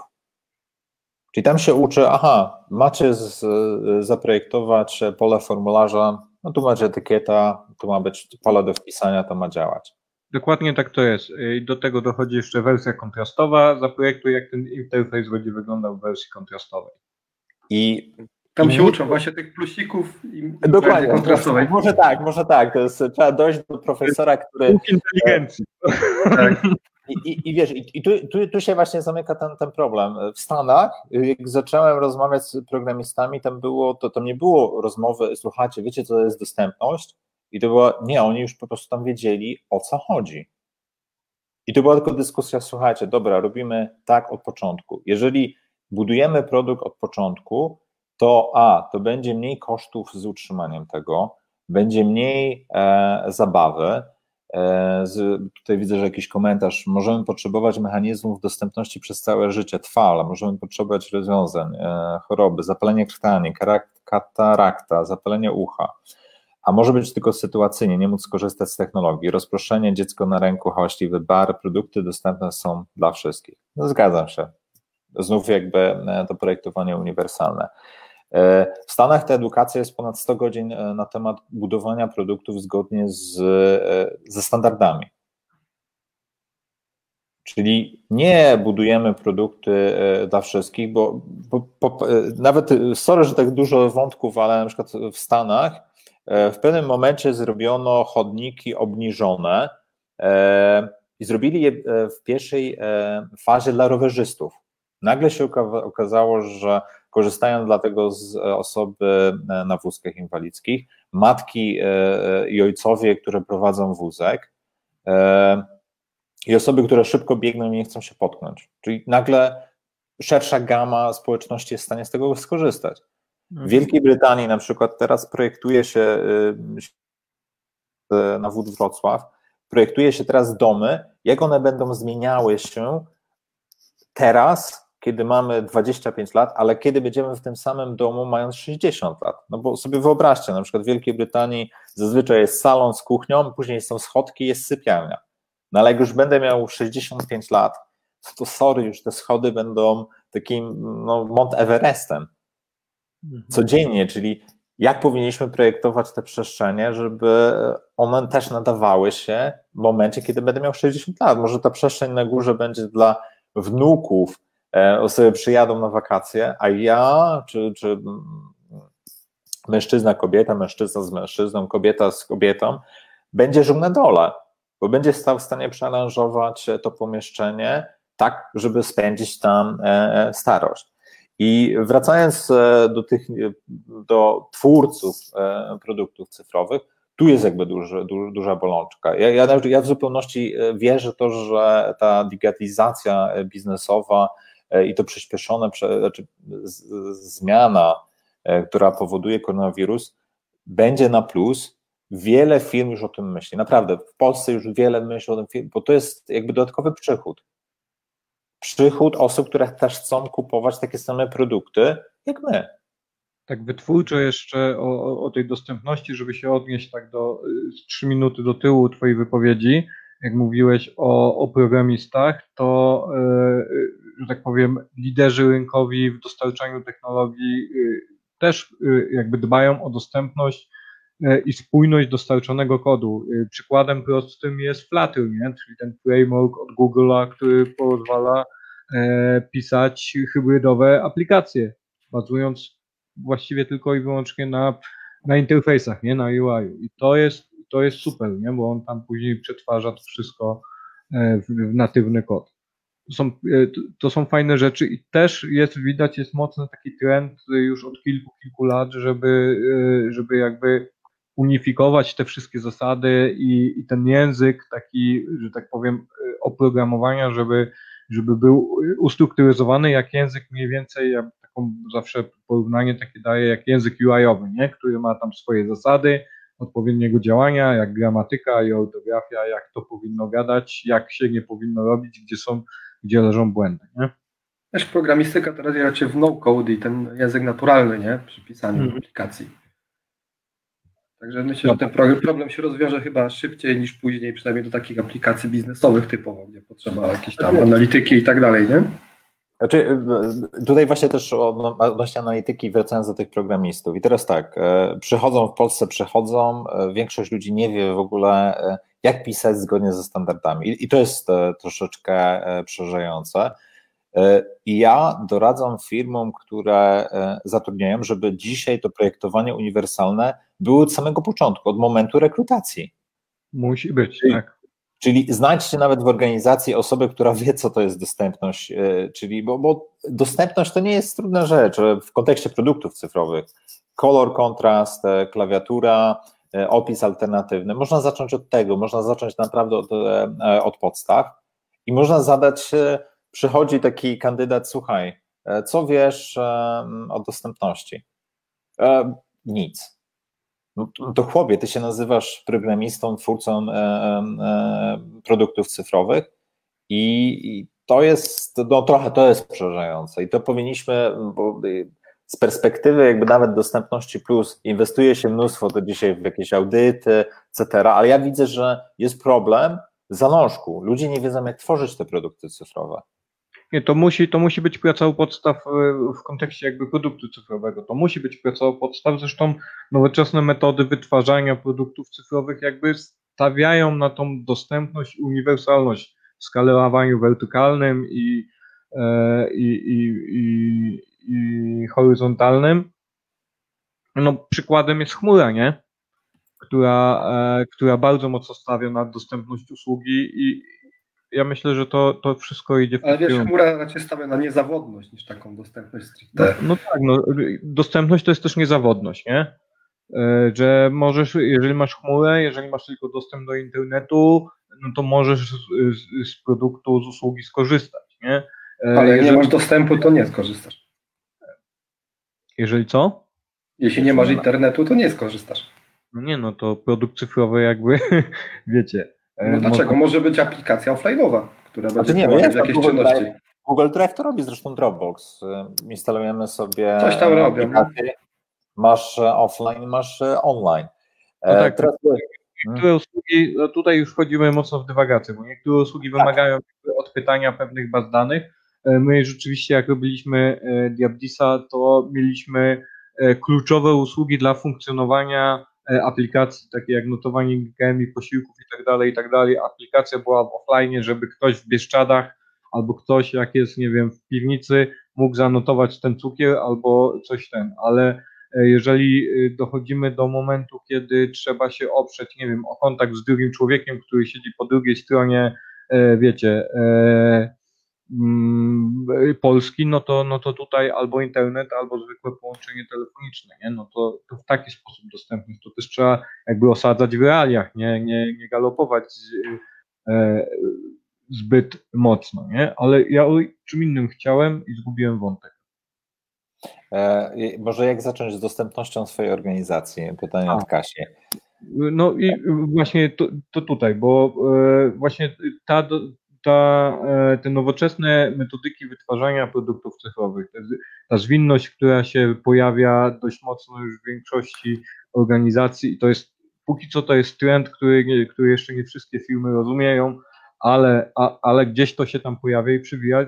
jakby na tą dostępność stawia i rozwijanie krok po kroku i walidowanie tego elementu, tego produktu, kawałku produktu z, z, ze sprintu na sprint. Nie? Łatwiej jest przeanalizować i zaplanować dostępność w, w obszarze jakimś mniejszym. Nie? Znaczy, wiesz co, e, tak, e, tu też warto zaznaczyć, że na przykład rynek amerykański już jest mega dojrzały i e, to też pokazuje liczby pozwów. W tamtym roku 2200, rok wcześniej powyżej 1700, 700. No, zna, najbardziej znany case Pizza Domino, czyli wejście w pozwy troszeczkę na ten sektor prywatny, bo Wcześniej w Stanach, jeszcze 3-4 lata temu, głównie były pozywane instytucje pożytku publicznego. Teraz e, wchodzimy na e, instytucje prywatne. Netflix 755 tysięcy dolarów za to, że jeden z seriali nie miał e, audiodeskrypcji. Pizza Domino, osoba niewidoma nie jest w stanie skorzystać i zamówić pizzy. I rzeczywiście to się dzieje. E, co ważne dzisiaj, jeżeli sprzedajemy oprogramowanie na rynek amerykański, są dzisiaj trzy kryteria: cena, funkcjonalność i dostępność. Mhm. Jest coś takiego jak voluntar, voluntary, voluntar, a, wypad, e, e, mieszczenie polskiego, to jest Voluntary Product Accessibility Template i bardzo dużo mm, produktów cyfrowych ma już dzisiaj publicznie dostępne WIPATy na stronie, czyli na przykład chcę kupić do organizacji e, narzędzie dla, do projektowania, e, wchodzę sobie na stronkę na przykład Adobe jestem w stanie sprawdzić, czy to rozwiązanie jest dostępne, bo jest publicznie dostępne, powiedzmy taka rozszerzona deklaracja dostępności, która jest globalnym standardem. Dużo firm od Microsoftu, Microsoft ma wszystkie produkty E, ocenione za pomocą e, sekcji 508 e, w CAGA i Europejskiego Aktu do Spraw Dostępności. I to jest fajne, czyli możesz sobie zweryfikować, jeżeli zależy Ci, żeby w organizacji działały dostępne produkty, możesz to zrobić od początku. Odpowiadając na pytanie Kasi, jak zacząć dostępnością swojej organizacji, to, to zależy. Zależy, w którym momencie jesteś w wytwarzania oprogramowania. Z mojego doświadczenia, żeby wdrożyć dostępność od całkowitego zera, czyli ktoś wchodzi do organizacji i mówi: OK, to jest dostępność, może minąć nawet kilka miesięcy. Y, ale jakie są benefity? Y, dla takiej jednej firmy, gdzie wdrażałem dostępność, po 8 miesiącach oszczędziliśmy 13% wytwarzania produktu cyfrowego, bo A, stworzyliśmy standardy, E, tworzenia tego produktu cyfrowego. Było mniej błędów, czyli w momencie, kiedy rzeczywiście ta dostępność, e, e, czy inaczej, kiedy zaczęliśmy wprowadzać standardy WCAG, nagle się okazało, że jest mniej błędów, bo deweloperzy zaczęli pisać oprogramowanie, które ma sens, a nie jakieś, o, tu zrobię E, kilka linijek, żeby tylko działało. E, dla mnie na skróty, ale niekoniecznie z, zgodnie ze standardami. E, to zależy, naprawdę. Historię trzeba pisane, można zacząć od MVP, czyli zacząć powoli powiedzieć, OK, przypisujemy jakiś nowy komponent i ten nowy komponent powinien być dostępny na przykład na poziomie podwójnego A. I o co chodzi z tymi AA? WCAG mamy e, e, trochę kryteriów sukcesu, które mówią o tym, e, jak możemy przybliżyć nasz produkt cyfrowy byciem dostępnym. I mamy trzy poziomy. Jest poziom A, podwójne A i potrójne A. Potrójne A to jest no, takie mocne, że produkt jest dostępny dla większości osób. Dla większości osób, bo no, bardzo często dysfunkcje e, chodzą parami i nie jesteśmy w stanie zaadresować 100% przypadków. Na przykład na potrójnym A mówimy o tym, że treści są dostępne w języku migowym, ale podwójne A jest przyjęty jakiś taki standard, e, gdzie mówimy, że produkt jest dostępny na takim poziomie wystarczającym do tego, żeby z niego e, korzystać. I według mnie podwójne AI jest w miarę tanie, jeżeli zaczynamy o nim e, myśleć, myśleć e, w ogóle w organizacji. bo jeżeli o nim nie myślimy i zaczynamy tworzyć na przykład bez standardów, Później liczba błędów, e, zmieniają się programiści i to, co Tomek jak mówi, przychodzi nagle nowy programista i zobaczy, ok, co tu jest napisane. Mówię, aha, no dobra, to działa, no to co ja zrobię, to ja to skopiuję. Żeby nie było, że piszę według standardów albo coś wybuchnie, e, bo zazwyczaj tak jest, że jak coś jest pisane niezgodnie z sztuką, no po pewnym czasie może się okazać, że nie będzie działało, albo trzeba dodatkowego kodu, na przykład na nową przeglądarkę typu Edge, żeby to w ogóle działało i, i śmigało.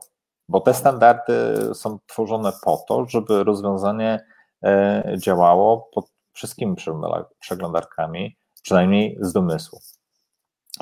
E, więc taki pomysł, żeby zaczynać e, krok od, czyli wybrać sobie jakąś część systemu czy rozwiązania cyfrowego, E, i krok po kroku to zrobić. To też zależy, na przykład jeżeli mamy e, multimedia, czy mamy e, PDF-y, no tu, tu też na przykład, żeby zrobić dostępny PDF, no też jest wymaganie troszeczkę kosztów. Design systemy. Tak, design systemy, na przykład Carbon Design IBM-u, E, też mówi o dostępności. Część kawałków kodu są dostępne e, i tu jest jeszcze, spotkałem się z twierdzeniem, że to zadanie developmentu, a nie designu, aby takie rzeczy specyfikować. Totalnie się z tym nie zgodzę. Ja jestem projektantem UX-owym i ja definiuję e, dużo kryteriów sukcesu i my jako projektanci, powiedzmy, nie wiem jaka część grupy, e, która nas słucha, zajmuje się projektowaniem na co dzień. My jesteśmy odpowiedzialni też za e, projektowanie tego, bo e, kolejność klawiatury, obsługa klawiatury, kontrast, to są rzeczy, które można zdefiniować na etapie projektowania i jeżeli... Drganie, haptyka ogólnie, nie? To jest wszystko, co trzeba definiować i zwracać uwagę.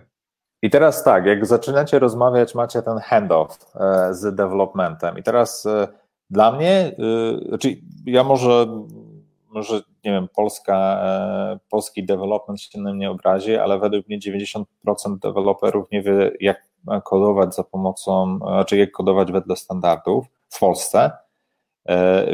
To jest, to jest moja, moja, moja opinia.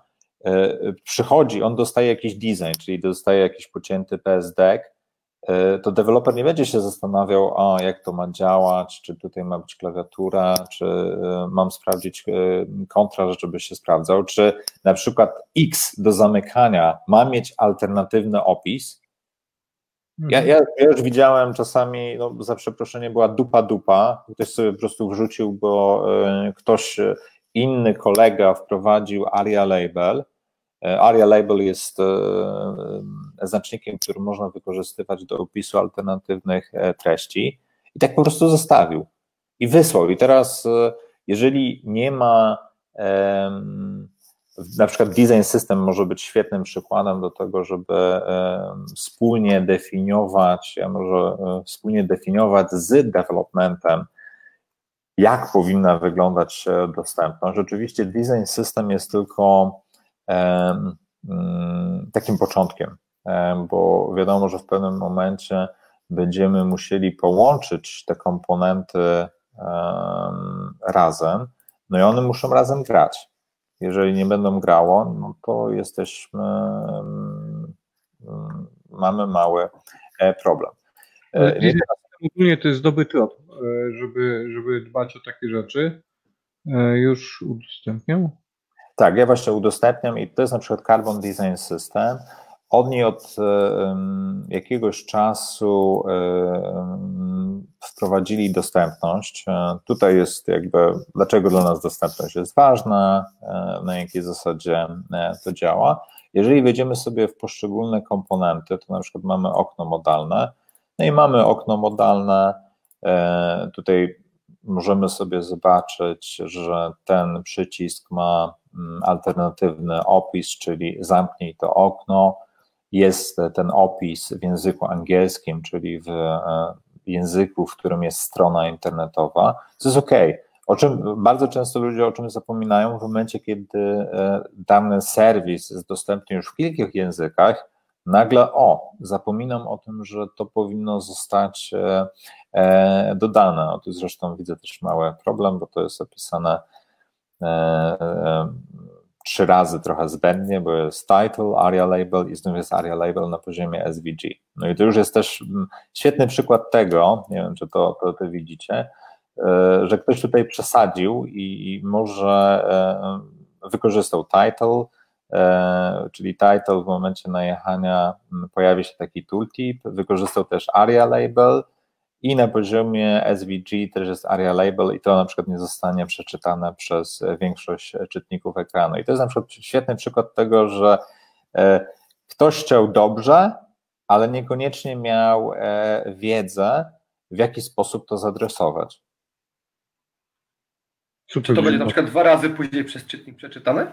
Może być przeczytane przez dany czytnik pod daną przeglądarką. E, I na przykład NVDA pod Firefoxem prawdopodobnie przeczyta to e, dwa razy, ale już na przykład VoiceOver przeczyta to raz. I to jest znów to piękno, w jaki sposób czytniki ekranu interpretują kod HTML-owy, bo to jest tylko interpretacja e, kodu. No i to jest świetny przykład tego, że ktoś coś zrobił, ale niekoniecznie mm, przemyślał, jak to ma być zrobione. I teraz znów, ten przykład może pokazać, że w przyszłości możemy mieć problem z utrzymaniem tego, no bo przyjdzie nowa ekipa i oni zadadzą pytanie, ej słuchajcie, to jaką mamy w ogóle strategię, bo wprowadzając dostępność do dużej organizacji, powinniśmy stworzyć strategię. Słuchajcie, czy my będziemy wykorzystywać title czy aria label do tego, żeby opisywać takie elementy na naszym interfejsie. Jeżeli my się nie ustanowimy tej strategii i każdy, każdy będzie sobie to opisywał za pomocą e, swojego sposobu, no to w pewnym momencie koszt utrzymywania e, takiego design systemu będzie rósł. I to też nie ma sensu. Nawet przy, przy tłumaczeniu później jest problem, przypuszczam, jak masz na, napchane takich różnych. Nie, no oczywiście. To jest, no, tak, później to... teraz projektant musi o tym pamiętać, że jak to się wyrwie spod kontroli, to, to mogą być tu trzy, tu dwa i później teraz zachowaj spójność, nie? W, tak, albo wie, będzie przetłumaczone jedno i będzie po polsku i po angielsku przeczytane później, tam w jakimś innym języku. E, więc trzeba, trzeba jakby uważać. Nie ma jakby e, jednego, jednej recepty na to, w jaki sposób wprowadzać e, dostępność. Na pewno trzeba się edukować i, i na, programiści, czy, znaczy według mnie każda osoba, która jest, e, bierze udział w, e, w tworzeniu produktu cyfrowego, czyli analityk biznesowy, programista, deweloper, e, projektant, tester, project manager powinni mieć podstawową wiedzę wytwarzania produktów uniwersalnych. A wiesz, Piotrek, żeby to się wydarzyło, to to nie jest takie proste, bo to musi się znaleźć w wartościach firmy. I tutaj, tak. no, tutaj, już, się, e, tutaj już się opieramy naprawdę o, że tak powiem, filozofię, e, czy tam ideę prowadzenia biznesu, nie? jakiś tam sposób myślenia prowadzenia biznesu. I mentalność biznesowa taka, nie? Tak, i te rzeczy się bardzo trudno zmienia. Nie? To jest bardzo bardzo dużo pracy, znaczy to jest do zmiany, ja nie twierdzę, że nie, ale bardzo dużo pracy z takim biznesem potrzeba, żeby wprowadzić dostępność, w ogóle cokolwiek, żeby wprowadzić wartości firmy, nie? a im większa organizacja z mojego doświadczenia, tym jest trudniej. Nie? Oczywiście e, tak, ale ja na przykład bardzo lubię, znaczy ja obserwuję też Walmart. Walmart jeszcze nie jest super dostępny, ale robią do tego kroki. Oni wrzucili taki krótki tekst. Słuchajcie, chcemy być dostępni dla wszystkich e, klientów bez względu na to, e, jakie mają niepełnosprawności. I to jest fajne, już fajne światełko w tunelu. I od tego można zacząć. Mhm. Słuchajcie, tak chcemy robić. Przyznajemy, ja jeszcze tak na szybko e, pokażę VIPAD, o którym wspominałem wcześniej, i to jest też w kontekście na przykład biznesu, nie wiem, na przykład Adobe XD dla projektantów E, czyli publicznie definiujemy, publicznie przyznajemy się, że jesteśmy dostępni albo nie jesteśmy dostępni. WIPAD jest takim międzynarodowym standardem, który e, coraz więcej firm e, przyjmuje. I Ale oni... to widać przy Adobe XD, bo oni mają na przykład przy prototypach obsługę interfejsów głosowych można zaprojektować, nie?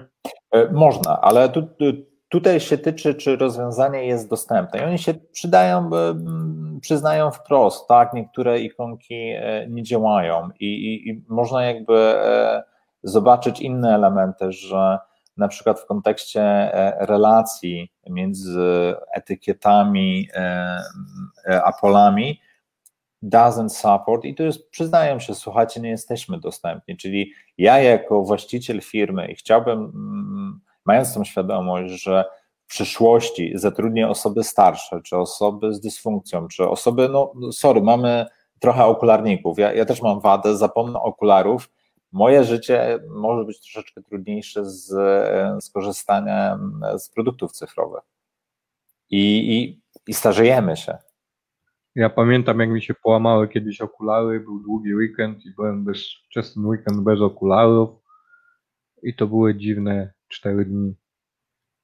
I, i, I, to jest, i właśnie Tomek, i to jest e, o, o, czym wspomniali nasi słuchacze, że e, czasami każdy z nas może doświadczyć tymczasowej e, niedostępności, czyli tymczasowego problemu z korzystaniem z tych samych produktów. I to, to, to, to nawet dostępność, to też jest, wychodzimy, zapominamy, czy, czy nie mamy okularów przeciwsłonecznych, wychodzimy, jest słoneczny dzień, siadamy za kierownicą, no i już komfort korzystania z samochodu jest całkowicie inny.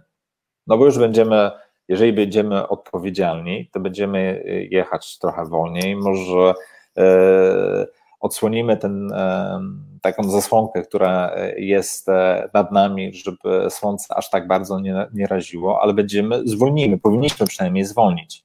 Mhm. Więc no, to jest właśnie to projektowanie uniwersalne, czyli stworzenie tej, tej możliwości, ale też my musimy być, my sami musimy mieć e, e, jakiś taki pierwiastek etyczny, żeby o, o, tym myśleć. I dla mnie projektanci to są właśnie świetne, bo tak, tak mówią, że e, jesteśmy empatyczni, że jesteśmy w stanie zebrać potrzeby tych użytkowników, z których będą korzystać. I jako projektanci musimy też wziąć pod uwagę, że osoba, która e, korzysta z czytnika ekranu albo nie korzysta z myszki z różnych przyczyn, czy jest osobą starszą, czy e, hmm. ma e, ból nadgarstka, korzysta tylko z klawiatury, czy ma Parkinsona, chce skorzystać z produktu cyfrowego, ma prawo skorzystać z klawiatury. Więc w momencie, kiedy zadajemy sobie takie pytanie, aha, czy to rozwiązanie ma być dostępne z klawiatury, już możemy je zacząć projektować, bo teraz projektując takie interfejsy, e, możemy zaprojektować e, przeskok do treści, który rzeczywiście e, pomaga wielu osobom. Z drugiej strony, w Polsce edukacja też osób, które korzystają z czytników ekranu, jest taka średnia, bo jak ktoś zaczął korzystać z czytnika ekranu i się nauczył w taki sposób, to będzie korzystał. Na przykład bardzo dużo osób, z którym, e, z którym e, jak przeprowadzam e, badania z osobami, które skorzystają z czytników, zazwyczaj to jest NVDA i Firefox. Jak się pytam, dlaczego Firefox? No i ma to jakby taki rys historyczny, bo rzeczywiście NVDA i Firefox swojego czasu były można powiedzieć, kochankami, czyli to była najlepsza kombinacja przeglądarki i czytnika ekranu, e, który działał i te osoby się przyzwyczaiły. Mhm. Przyzwyczaiły się, tak, czasami włączą inną przeglądarkę, bo się okazuje, że coś pod Firefoxem nie działa, więc jest ta potrzeba, że trzeba się przełączyć na inną, ale os osoby z, wykluczone bardzo często się przyzwyczajają. Tak, tak samo nawet wykluczone. No, moi rodzice E, Wszyscy się przyzwyczajają do dobrych produktów. Wiadomo, mamy, ja na przykład też korzystam z jednej przeglądarki, dzisiaj z, z Google Chroma i zazwyczaj włączam ją jako moją domyślną. Moi rodzice na przykład mają Opera. Zainstalowałem im wszystkie przeglądarki, bo a, to coś nie pasuje, zakochali się w Operze i dalej korzystają z Opery i mówię, mm, tato, mamo, tu jest Chrome, jest, jest trochę lepszy. Nie, nie, nie, ja chcę tą okrągłą, e, co się włączało. Ich nie interesuje, bo rzeczywiście się przyzwyczaili. To jest e, e, też piękne, że się przyzwyczajamy i nie powinniśmy, nie powinniśmy zapominać e, o tych przyzwyczajeniach, bo jeżeli zapomnimy, tak jak mBank, to tracimy trochę klientów, którzy przechodzą do konkurencji i prawdopodobnie będzie bardzo ciężko, żeby ci klienci wrócili e, po pewnym, e, po, po jakimś tam czasie. Tak Ja bym chciał tutaj postawić kropkę, bo chciałbym jeszcze porozmawiać tutaj Kuba do Ciebie i Piotr pewnie też do Ciebie Chciałem porozmawiać o tym, jak tą dostępność komunikować. W takim sensie, że wiecie, przychodzi marka czy tam produkt i mówi, jesteśmy dostępni, a ludzie mu, mu, im odpowiadają, no super, i taki mem z tą małpą, z tym nohalem, nie? E, chodzi mi o to, że ta dostępność może być postrzegana jako taki e, must have, zresztą tak powinna być postrzegana, ale jak to komunikować, tą inkluzywność, która się powinna wydarzać, e, jak o tym mówić, jak to, jak to sprzedawać, czy w ogóle jest sens, czy, czy nie wiem, czy, czy po prostu produkt powinien się bronić sam? Mi się wydaje, że produkt powinien się bronić sam, a na pewno jak już komunikować, to nie nachalnie i nie piętnować ludzi, którzy będą korzystać z tego, no bo mówiąc głośno o tym, że robimy kogoś, kto nie słyszy, to to jest trochę też piętnowanie tych osób i, i ja bym nie szedł w tę stronę z taką komunikacją, nie? Lepiej pokazywać, że się da to zrobić inaczej, niż, y, niż właśnie tak y, nachalnie mówić, że my powiększamy literki, czy czytamy napisy, nie? Bo może być troszkę komuś wstyd, że będzie musiał skorzystać z opcji, a inni nie. Mhm. A ty Piotrek, jak myślisz? Znaczy, ja bym zdecydowanie, czy ja, ja, nie lubię w ogóle tego reklamowania. E, produkt powinien No to być... właśnie nawet nie, nie reklamowanie, tylko komunikacja. No, ludziom no, też trzeba no, tak, powiedzieć, że tak, jednak tak. możemy, nie? Znaczy, e, dla mnie to jest e, jakby nawet nie wymóg, to jest jakby etyka i, i, i zadbanie o higienę naszego produktu od samego początku. Dla mnie na przykład promowanie, a jesteśmy dostępni, to to jest tak, trochę takie, takie słabe, czy komunikowanie, no, nasza stronka jest dostępna. To jest takie pokazywanie, wiesz, kiedyś były te, takie certyfikaty, nie wiem, czy one, laur klienta, co, czegoś, lau klienta 2010 e, w czymś. E, to było śmieszne, bo e, żeby dostać ten laur, było trzeba zapłacić za niego. Dokładnie tak. I się dostawało, tak jest. Okej, okay, czyli, czyli, tak to działa i dostaje się lau klienta, jestem tam w czołówce najlepszych instytucji 2017 rok rzędu i to jest trochę smutne. Ja, ja patrząc jako projektant, dla mnie produkt w momencie, kiedy wchodzę, on powinien być dla wszystkich. Hmm. Jeżeli nie jest, to znaczy, że on jest wybrakowany, że czegoś go brakuje. E, brakuje może czasu. Uważam. Dyskusję, e, Piotr, żeby dodać troszkę oliwy do ognia, no to mm, a ja myślę o takiej zasadzie, że e, teraz tego już jest mniej, bo to jest wymóg ustawowy, nie? Ale gdyby zrobić taką parafrazę na, nie wiem, sklepy i, i różne tam przybytki w galeriach handlowych, i był taki okres kilka lat temu, że na sklepach, które były dostosowane, było, była naklejka, e, ten sklep jest przyjazny osobom niepełnosprawnym. No to jest to, co mówię, takie piętnowanie ludzi. No, takie trochę piętnowanie, ale generalnie to w jakiś tam sposób działało, z czegoś to się wzięło. Nie? I teraz y, przenosząc to na świat cyfrowy, czy, czy to nie jest taki kierunek, nie? Czy, znaczy, chodzi mi, czy Y, nie mamy obecnie tak mało dostępnych produktów, że te dostępne powinny mówić o tym głośno. Mi się wydaje, że się same wyróżnią, bo. E, znaczy, wiesz, w kontekście, w kontekście na przykład instytucji finansowych to jest e, kto będzie wygra pierwszy ten rajd na dostępny produkt, no ten wygra, bo przyciągnie do siebie tą E, tą klienterię, która zostanie z daną instytucją troszeczkę na dłużej. Jeżeli chodzi o e-commerce, no, może być różne bajki i to jest jakby, znaczy z mojej perspektywy to jest troszeczkę walka o klienta. Bo zmiana jakby tej świadomości, że jest klient, który potrzebuje, żeby ten produkt był dostępny za pomocą czytaczki, to jest świadomość. Jeżeli ktoś jest świadomy, to znaczy, że chce zwiększyć swój przychód. I jeżeli ktoś nie, nie robi tego, to znaczy, że nie jest świadomy i chce zarabiać mniej. Czy e, komunikowanie się. E, dzisiaj na przykład dużo instytucji ma deklarację dostępności, mówiąc: wow, wow, wow, my jesteśmy dostępni. Ale trzeba pamiętać, że te deklaracje piszą różni ludzie, i to jest znów trochę e, taki problem, że jest dużo pseudospecjalistów, którzy idą na jeden kurs i myślą, że znają się dostępności, bo ja, ja na przykład zajmuję się dostępnością od ponad 13 lat, cały czas się czegoś uczę i, i to jest, e, e, przychodzi jakiś nowy produkt, na przykład na Silverlightie, taki produkt mam raz na 3 lata, no to ja nie mam wszystkiego w małym paluszku, kurczę, jak tu zapewnić dostępność, czy w jaki sposób powinniśmy e, stworzyć alternatywny opis. Trzeba pójść do e, WCG, do tej Biblii zobaczyć, co oni mówią, może trochę poczytać, bo technologia się zmienia. Dwa lata temu wszyscy rekomendowali na przykład e, w przykładku tego krzyżyka, żeby wykorzystywać e, title jako świetną okazję, ale dzisiaj mało kto mówi, ludzie mówią o minusach tego rozwiązania i rekomendują e, tworzenie czegoś innego, więc to się zmienia. E, czy e, komunikowanie, że jestem dostępny pomoże, Zależy to zresztą nawet z tym eventem. E, e, mówiliśmy o dostępności. Jeżeli ktoś nie rozumie, czym jest dostępność, albo będzie miał taką perspektywę, a dostępność to jest tylko dla, dla tych niepełnosprawnych, i, i to się zdarza. Bardzo często e, menadżer wysokiej klasy, dużej firmy, a to dostępność, a co nas interesują ci niepełnosprawni?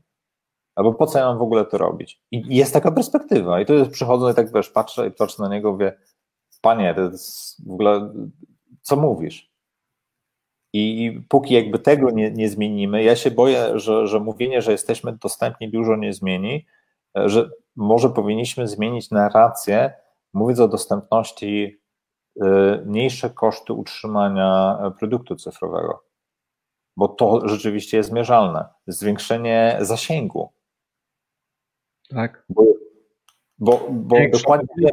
Tu w takim sensie wytwórczym, nie? Żeby zmienić, e, zmieniają się czasy, zmienia się technologia, zmieniamy się my. Zdecydowanie to jest kwestia, e, wiemy dokładnie, możemy mieć dokładne liczby, ile osób po 55 e, roku życia korzysta z internetu. To można sprawdzić dzisiaj. Można kupić takie raporty i możemy celować te kampanie, ale ten produkt powinien być też no, dostępny. I, I zresztą e, duże e-commerce w Polsce to robią. Zaczynają też e, nie tylko uderzać do e, pokolenia Z młodzieży, ale uderzać też do tego troszeczkę starszego pokolenia, które zaczyna jakby samo się digitalizować z racji czasów i czy moi rodzice dostali komputer, nie wiem, 7-8 lat temu. I rzeczywiście zaczęli się uczyć tego. Mhm. I, i, to jest fajne. No, coraz e, obecni 45-latkowie też zaczynają skakiwać, ale już ten dostęp do e, urządzeń elektronicznych jest zdecydowanie na wyższym poziomie i to jest w, e, w większym zakresie telefon komórkowy. Na przykład, e, jeżeli chodzi o Afrykę, E, tam internet działa, ale tam internet działa głównie na telefonach komórkowych. Mhm. Tam nie ma tej, tej perspektywy, że każdy o ma laptopa, może sobie siedzieć. Tam główny ruch e, sieci pochodzi z telefonów komórkowych. Więc tam takie instytucje bankowe, tak jak e, na WAP-ie kiedyś Zielony Bank miał jako pierwszy taką usługę, tam coś takiego działa, czyli SMS-em sprawdź saldo albo wyślij e, kasę za pomocą SMS-em. To są bardzo popularne usługi, które działają, bo dalej dostęp do e, przepustowości internetu, taką jaką mamy na przykład w Europie, e, jest ograniczony. Dlatego też powinniśmy dostępność, czy, czy te standardy mówią, że ten produkt powinien działać na szybkich czy wolnych łączach, tak abstrahując już, nie, nie wchodząc w szczegóły, to, co jest ważne, żeby ten produkt był e, dostępny, tak mówiliśmy o tym offline, online. ale też dla tych mniejszych prędkości. Ja ostatnio miałem taki problem, że no, mój internet spadł i no, musiałem się przełączyć na, na, na Gmaila. Jeszcze zobaczyłem taką strasznie archaicznego Gmaila wersji HTML-owej. To jeszcze działa. No bo działa. część bo część osób nie ma super szybkiego dostępu do internetu, który pozwala na to, żeby załadować wszystkie fancy e, elementy, które wyświetlają się na tej interfejsie. Więc powinniśmy zadbać o to, a nie o wersję kontrastową. E, I dzisiaj, jak się wyjdzie na co drugi przetarg dużego miasta, o, e, żeby stworzyć produkt pod WCG 2.1 czy 2.0, Wszędzie jest zapis, musi być wersja kontrastowa i powiększanie fontów.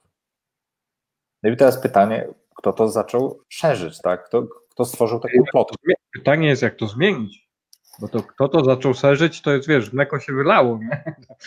Tutaj trzeba znaczy, to możemy, wiesz, możemy, może dzięki takim, e, e takim webinarom e, ktoś to usłyszy i e, kto, kto składa, E, w tej chwili w Polsce ruszają e, duże szkolenia urzędników w kontekście dostępności, bo do września 2020 20 powinni zostać wybrani koordynatorzy dostępności w, w każdej gminie i mieście wojewódzkim, tak żeby rzeczywiście no, zmieniać tę perspektywę. Może to szkolenie powinno być troszeczkę wcześniej. Projektowywać swoje serwisy po tym czasie? E, no to wiesz, to będzie znów trochę śmieszne, to jest troszeczkę takie e, e, marnowanie pieniędzy. No myślę, że my jesteśmy mistrzami jako nacja w marnowaniu pieniędzy, czyli najpierw wlejmy asfalt, a później zróbmy rury i wodociągi. Więc myślę, że jesteśmy w tym mieszczamy, ale, ale musimy o tym mówić. Jakby musimy budować tą świadomość, E, i rzucać jak najwięcej case'ów. No myślę, że może tutaj nie, nie rzuciliśmy zbyt dużo e, takich przykładów, które e, rzucą Netflix 755 tysięcy kary, ale z drugiej strony na przykład Tesco, które zarobi, zwiększyło przychód do 13 milionów. Takich case'ów jest jakby coraz więcej i można o nich poczytać w internecie. Z drugiej strony liczba pozwów, które wciąż rośnie na rynku amerykańskim. I jeszcze raz, na przykład na rynku amerykańskim, jeżeli e, uniwersytet, e, na przykład Stanford, chce kupić od Was e, software, to dzisiaj będzie się pytał o trzy rzeczy: funkcjonalność, cenę i dostępność. Czasami jest w stanie zapłacić więcej, jeżeli produkt jest dostępny. Więc to z automatu wymusi na na przykład na software house'ach czy firmach produktowych, które budują produkty i chcą uderzyć na rynek amerykański, żeby być dostępnym. Mhm. I to jest, no wiecie, to trochę takie jak, jak Facebook. E, nie wiem, czy pamiętacie, e, był jeszcze w Europie Studentix, tak przed jeszcze przez Facebookiem. E, działał na bardzo podobnej zasadzie. Nie odniósł dużego sukcesu, ale. Jak widać. Jak widać, pojawił się Facebook i wiadomo, to co jest amerykańskie, jakby zaczyna się przelewać. Ja wierzę w to, że jakby tutaj właśnie ten może amerykańskie, amerykański sen, amerykańskie mm, wymuszenie na dostępność. Trochę zaleje tą, tą Europę, bo z jednej strony jest dostępność plus, jest europejski akt dostępności, trochę się dzieje, ale nie idziemy w tą dobrą stronę, bo, bo nawet y, strona Sejmu czy Straży Pożarnej, którą dzisiaj pokazywałem, te strony mimo deklaracji dostępności nie są dalej dostępne.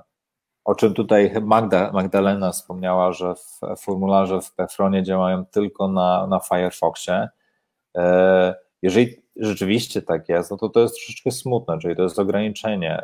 Pytanie, jak wygląda deklaracja do, dostępności. I to jest znów problem, kto robi te deklaracje dostępności. I niestety w Polsce jest dużo pseudospecjalistów czy firm, które powstają, bo jeszcze raz, w Polsce do 2025 roku jest do wydania 23 miliardy złotych na dostępność. I to nie jest tylko dostępność e, cyfrowa, dostępność architektoniczna, e, dostosowanie urzędów, miast, e, szpitali, etc. Więc to jest mnóstwo kasy i, i wiadomo, że no, są firmy, które powstają, żeby po prostu zarobić. ktoś przeczyta sobie WCG, no ktoś mi kiedyś powiedział, że, że żeby wydrukować wszystko z wszystkie kryteria sukcesu, w jaki sposób je spełnić, to jest jakieś 3000 stron A4 no to powodzenia z czytaniem, to przeczytaj sobie to raz i zapominasz, co było na, na, na tysięcznej stronie, e, więc to jest A wykonalne, więc e, A, powinniśmy wrócić do, znaczy według mnie taki plan, żeby to się udało, wrócić na, na, na uniwersytety, na politechniki, gdzie e, ten nowi adepci projektowania, budowania produktów cyfrowych, e, dowiedzą się, czym jest dostępność. Wiem, że już na niektórych podyplomówkach e, z mm, UX-a mówi się troszeczkę o dostępności, e, zresztą Jakub Dębski, który jest świetnym specjalistą z dostępności, sam prowadzi blog tematyczny na, na jednej z podyplomów, mówi o tym dużo. Im więcej będziemy mówić i, i nawet z dołu, czyli QA, UX, e, e, to będzie fajnie. E, zacząłem mówić, możemy zacząć od czegoś małego, tak klawiatury, czy weryfikacji, czy kolory, które mamy wybrane, rzeczywiście spełniają minimalny kontrast. I od tego możemy zacząć, czyli zacząć od małych kroczków do tego, żeby zwiększyć potencjalnie zasięg. I tutaj jeszcze Kuba się pytał gdzieś tam na samym początku analitykę. Tak, jeżeli produkty są budowane zgodnie ze standardami, łatwiej jest implementować Google Tag Managera czy Google Analyticsa. Ja miałem taki case, gdzie chcieliśmy zaimplementować Google Tag Managera, ale z racji fantastycznej implementacji, no to było po prostu nie, niemożliwe. Musieliśmy na początku poprawić e, implementację e, powiązania checkboxów i radiobatonów z pewnymi mm. No musiałbym pokazać ten case, żeby, e, żebyście mogli go, go zobaczyć. Musicie go sobie tylko w tej chwili wyobrazić. No nie byliśmy w stanie w ogóle tam zaimplementować Google Tag Managera, bo wypluwał nam po prostu głupoty. Więc poprawnie stworzony kod HTML-owy może nam pomóc w analityce, bo będzie nam po prostu łatwiej zaimplementować. Powiedz mi, jaka tak, jak przebiega taka analityka typowo dostępnościowa, że tak powiem? No bo na, na co patrzeć, na co zwracać uwagę? Dostępność można mierzyć. Można. E, oczywiście wszystko można mierzyć. E, ja wychodzę z takiego założenia, że wszystko można mierzyć. E, i teraz tak, jeżeli chodzi o dostępność, są automaty. E, niestety automaty mierzą, jeżeli chodzi o poziom dostępności, tylko 30% mm, kryteriów sukcesu, więc e, całkiem mało. E, pozostałe rzeczy wymagają, wymagają człowieka, czyli my jako ludzie też bywamy czasami, zdarzają nam się błędy. E, więc to możemy mierzyć, czyli możemy puścić sobie taki automat, który stwierdzi, czy te 30% kryteriów sukcesu rzeczywiście mm, e, są dostępne, czy nie. To jest jakby jedna rzecz. E, oczywiście ja na przykład bardzo, czy staram się zawsze zaprosić na testy osoby, które mają dysfunkcję, czyli na co dzień korzystają z czytnika ekranu, czy E, osoby głuche z tłumaczem, bo e, w kontekście oceny e, całego produktu.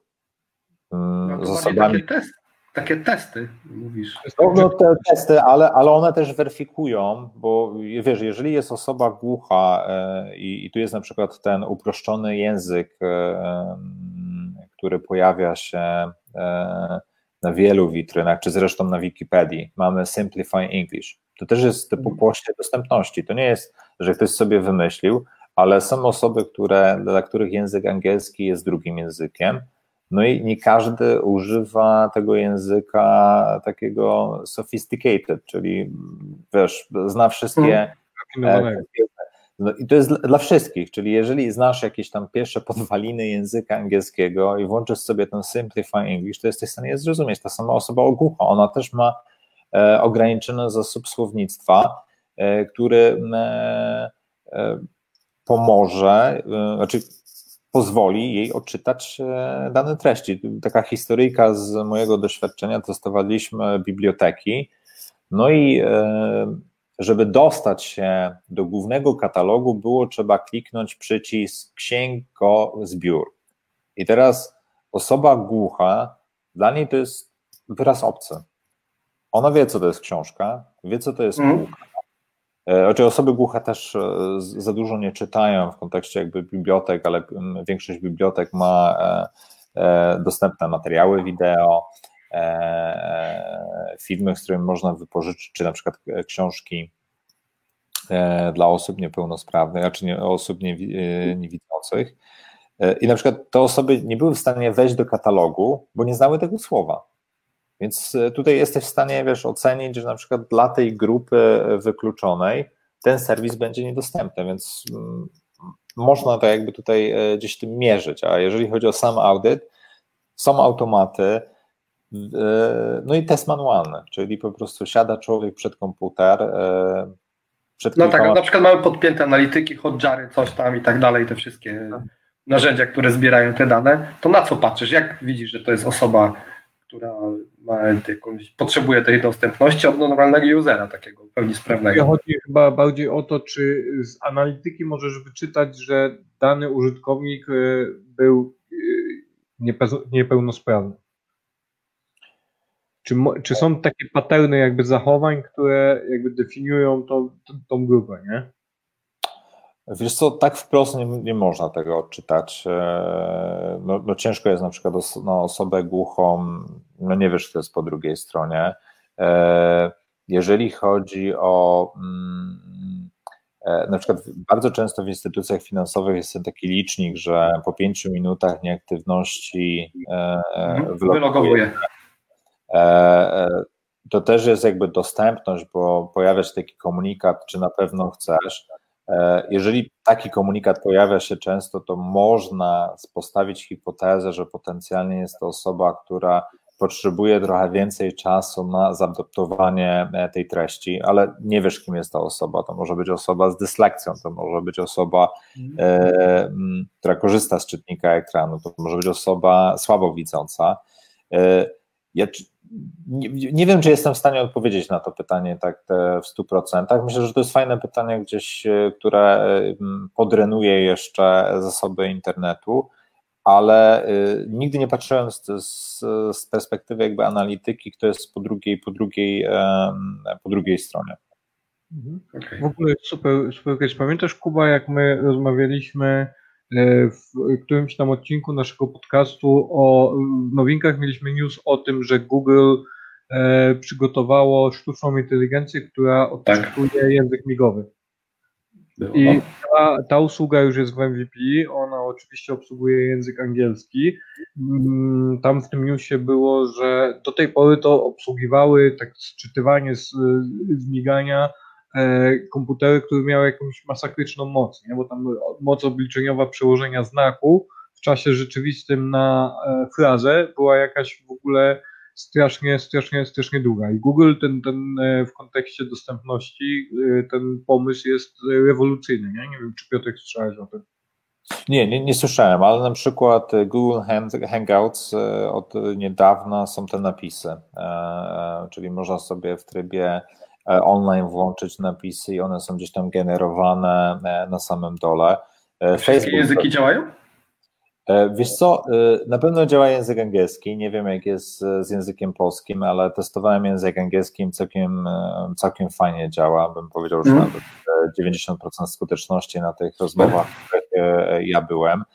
Z drugiej strony, na przykład Facebook i Google Photos co zrobili, wprowadzili E, sztuczną inteligencję, która za każdym razem, jak wrzucamy sobie na Facebooka jakieś zdjęcie, ono dostaje z e, mm, domyślnie alternatywny opis. I to działa dzisiaj na wersji polskiej, angielskiej i na każdym. To na Google, Google Photos, jak się wejdzie, to masz pogrupowane po znajomych, po, po miejscach, coś tam i po kolorach. I to, jest, to, jest, to, jest, to jest dostępność, to jest, też jest dostępność, no bo dostępność mówi o tym, że powinniśmy mieć alternatywny opis e, e, treści nietekstowych i to zostało hmm. zrobione w fantastyczny sposób. To jest też SEO. E, też jest SEO. E, oczywiście zdarzają się e, małe wpadki, tak jak e, czarnoskóra para była pomylona z e, pewnymi zwierzątkami e, kilka lat temu. No jak chihuahua z mafinem. E, tak. tak. Musi nauczyć, nie? E, więc to jest tylko technologia, ale ta technologia pomaga. Dlatego nawet dzisiaj osoba niewidoma może wejść sobie na Facebooka i powiedzieć: O, Piotrek, widziałem Twoje zdjęcie, byłeś, byłeś w górach. Bo to przeczytał czytnik ekranu, bo to właśnie wykryła sztuczna inteligencja góra, outdoor, dwie No to jest też ten temat, że tam po muzeum można chodzić, nie? I sztuczna inteligencja ci odczytuje, co jest na obrazach i i w ogóle. Pamiętam, jakiś taki motyw był kiedyś. O, Weronika nam napisała, że na ten moment nie ma możliwości sprawdzić w Google Analytics Hotjarze, chyba że fartownie zobaczy się sesję, gdzie ktoś korzysta ze skip linków, czy użytkownik korzysta z technologii asystujących. Przynajmniej do tej pory było to traktowane jako dana poufna, a i tak. przeglądarka nie zapisywała. Czyli behawioralne tematy. No, ale to jest fajny temat. E, myślę, że e, może Weronikę Weronika, przepraszam. E, tak, Weronikę zaprosić na kolejne czaty i rzeczywiście podcast i rozszerzyć ten temat, bo to jest w sumie fajny temat. W jaki sposób budować analitykę i to może potencjalnie jest mega fajny temat, który można rozszerzyć.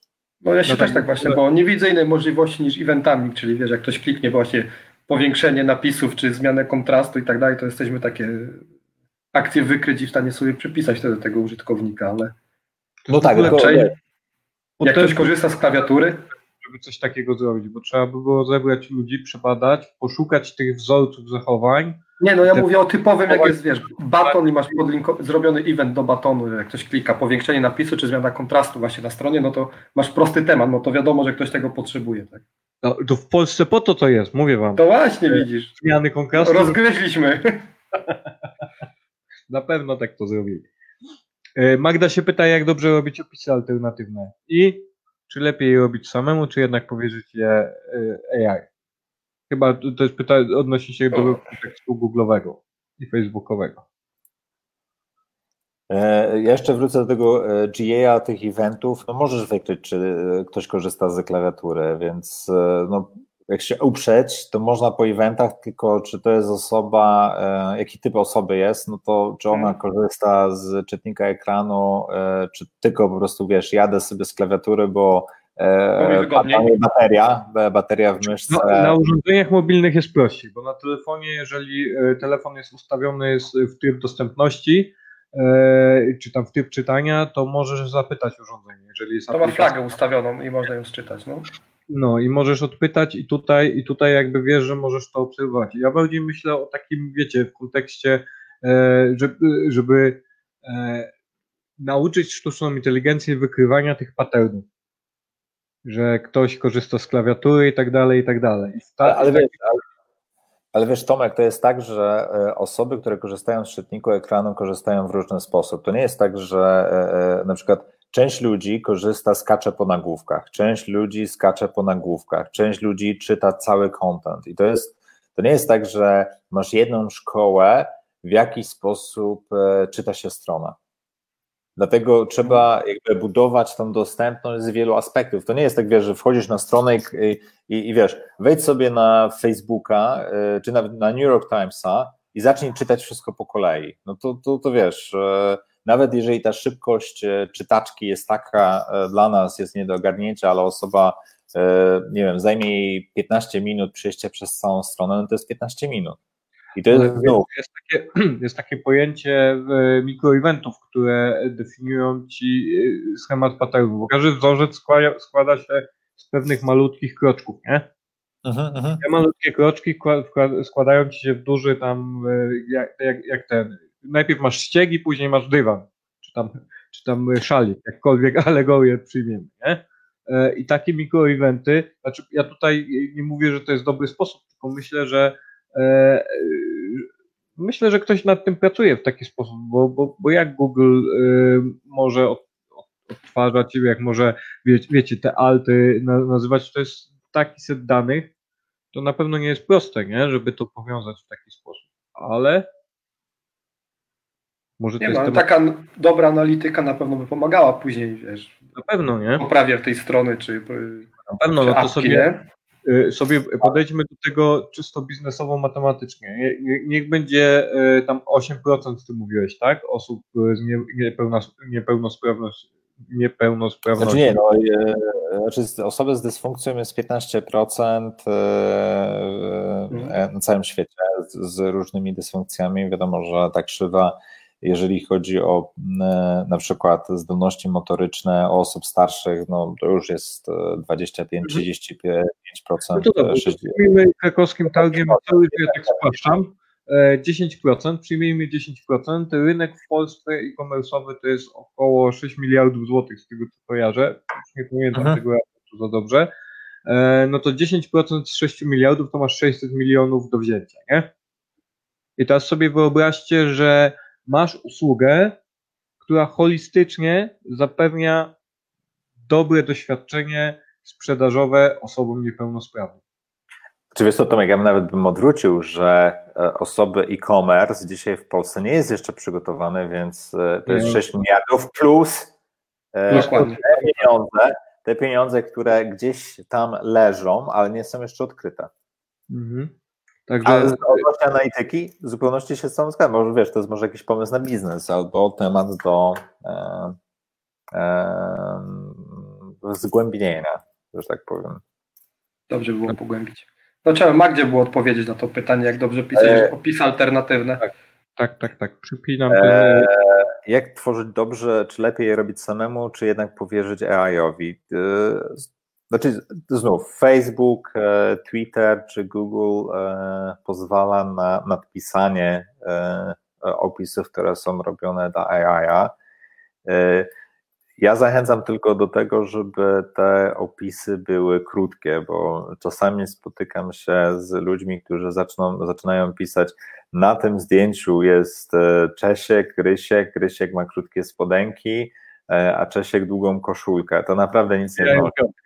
I przybijają piątkę i każdy trzyma piwo i, i wódkę. E, No może piwo i wódkę jest ważne w tym kontekście, ale już tak abstrahując, te opisy powinny jakby być krótkie, zwięzłe i e, e, dawać jakby sens tego zdjęcia. Dlatego ten AI na przykład na Facebooku, ja go lubię, no bo z tymi osobami, z którymi komunikuję się, które korzystają z czytników ekranu, to w zupełności wystarczy. Czyli tam jest image may contain one person outdoor e, e, mountain, czyli o, jesteś w górach, jesteś w lesie, albo Czyli o, wypunk- wypunktowane takie po prostu rzeczy. tak, po przecinku. To jest, to jest bardzo proste, ale to jest jakby piękne, bo to daje y, jakby sens tego zdjęcia. No bo niekoniecznie.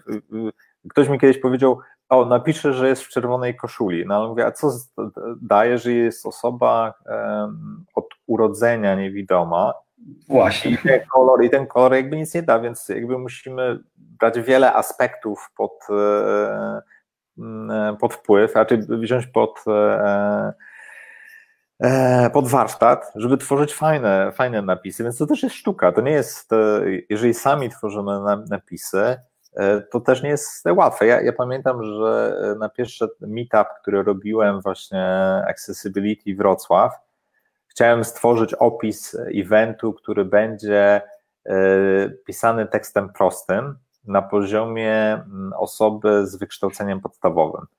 I to było dla mnie wyzwanie. Zajęło mi tak naprawdę sześć zdań, tam było może 300 znaków, no zajęło mi z dobrą z godzinę, żeby stworzyć e, ten opis, żeby miał sens i żeby był prosty.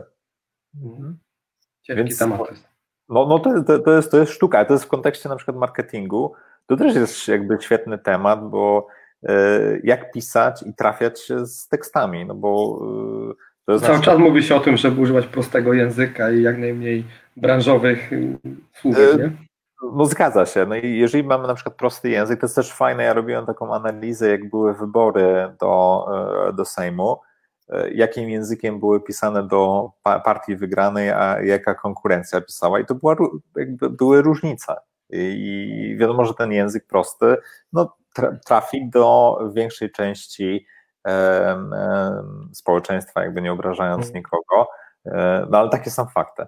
Takie I- są fakty, y, to y, nawet powiem więcej, że można, możemy mieć sympatię lub antypatię, ale partia rządząca e, bada, mierzy i rozumie swój elektorat y, bardzo dobrze. E, Bardzo dobrze. Znaczy też uważam, że pod, kątem jakby marketingu i takich e, dostępności treści, no są mistrzami, więc można się naprawdę od nich, e, od nich uczyć, jak robić takie, takie kampanie. Tak. Dobrze, słuchajcie, dotrwało z nami do końca 13 osób. Yeah. Gorąca trzynastka. Ja wiem, że y, temat nie jest, y, jak to y, powiedziałem chłopakom na początku sekcji, się spodziewaliśmy takiego podejścia. Dziękuję za aktywność tych komentarzy. Jest sporo, bardzo dużo merytorycznych pytań e, i, i, i takich e, dobrej jakości e, dostępnych treści. Usłyszeliśmy od Was, czy tam przeczytaliśmy. E, Ja sobie jeszcze tak myślę, Piotrek, czy, czy w ogóle, co ty myślisz o, o, o czymś takim? Może warto by było za, zaprosić kogoś, e, który, e, kogoś niepełnosprawnego, kto mógłby nam o tym świecie opowiedzieć tak organoleptycznie. Nie, no ba- bardzo chętnie. Wiesz co, ty- ja organizowałem takie, takie eventy, że tak powiem, offline. E, Myślę, że e, tak, możemy zrobić e, go online i, i spróbować, bo myślę, że to jest jakby, to jest właśnie najśmieszniejsze, że bardzo często myślimy, że osoby z dysfunkcjami siedzą w domu, siedzą na kanapie i wegetują. Nie, to osoby chodzą po sklepu, pracują, przeglądają internet, włączają znane portale z, plotkarskie i, i czytają e, te same, te same newsy. E, Oczywiście są specjalistami w różnych dziedzinach, też to nie można tam komu E, zarzucić. Tak, bo teraz przyszło mi do głowy, jak mówisz o tym, że ci ludzie tam wszystko robią, i bardzo fajnie, że robią oczywiście, a, ale gdy, jeżeli są tu bagacze, badacze spośród tej dwunastki lub ci, którzy będą na, nas oglądać, jak jest z rekrutacją osób niepełnosprawnych do badań? Z mojej perspektywy, znaczy ja robię badania od 7 lat i jest bardzo prosto. Te osoby wręcz, kiedy rzucisz temat, e, że badasz, chcesz zbadać dostępność do tego produktu, one, one są mega chętne tego, żeby pomóc. Więc Polski Związek Niewidomy czy Polski Związek Głuchy to jest e, jeden mail i jesteś w stanie tak naprawdę e, mieć e, nawet 10, 10 osób e, na badanie na, na drugi dzień, więc są mega, mega, mega, mega pomocni. Czy nawet we Wrocławiu szkoła dla osób niewidomych i słabowidzących, zapomniałem, zapomniałem ulicy, na której się znajduję, ale to jest naprawdę dwa maile jesteśmy, ja byłem kilka razy tam, żeby, jak testowaliśmy jakieś tam rozwiązania dla, dla dzieciaków, to jest chwila. I, I naprawdę musimy po prostu o tym myśleć. I to jest, wydaje mi się, że w kontekście e, nas, projektantów, robimy badanie z osobami e, sprawnymi. Za każdym razem powinniśmy właśnie dodać e, osobę, która, takie ekstremum, i to zresztą e, to jest też zdefiniowane, że powinniśmy testować dane, dane rozwiązane z ekstremum, czyli z osobami, które niekoniecznie wpadają w specyfikację e, naszego profilu czy archetypu użytkownika, e, tak żeby zweryfikować, czy, czy rzeczywiście to rozwiązanie jest też dla nich, no bo e, no nie oszukujmy się, te aplikacje, z których korzystamy, na przykład Facebook, 15% e, osób ma pewne dysfunkcje, czy korzysta z czytnika ekranu, korzystając Mhm. z, e, z tego rozwiązania, E, więc jakby to jest ważne. Zresztą e, zarówno Google, jak i Apple mają świetne opcje dostępności. Dzisiaj można na przykład sterować gło- głową i posługiwać się iPhone'em. Jest język, klawiatura brailleowska na Apple i ostatnio Google chyba 3-4 dni temu e, zanonsował, że też wprowadza e, to jako defaultowa opcja na, na, na swój system. Więc to jest właśnie jakby piękne, że e, ja na przykład prowadzę warsztaty z Łukaszem, który jest osobą e, niewidzącą w stopniu znacznym i on po prostu potrafi pisać elaboraty na klawiaturze, korzystając z klawiatury brailleowskiej ja jestem w stanie napisać jedno zdanie, on już napisał e, pięć kolejnych. E, więc. Ale tak mówimy cały czas o tej biznesowej stronie tej dostępności, a na przykład Microsoft w tamtym roku wydał fajny kontroler dla tych, dla tych ludzi. Zgadza się. No jest, nawet ostatnio trafiłem na fajną fundację, która zajmuje się dostosowaniem czy walki o to, żeby gry były dostępne dla, dla wszystkich. I, I to zresztą gry planszowe to też jest świetny przykład. E, nie wiem, wsiąść do pociągu. E, tak, to wsiąść do pociągu. No jest coś takiego. Mhm. Jest. E, popatrzcie sobie w kontekście colorblind. Jak ta gra jest zrobiona, czyli popatrzcie, bo wiadomo, że my widzimy kolorki, ale mhm. jak ta gra jest stworzona dla osób, które nie widzi. I bardzo dużo gier. Ja na przykład mam taką grę zainstalowaną DOTS, takie łączenie kulek, ona już ma 6 czy 7 lat. Ona ma też tryb dostępności.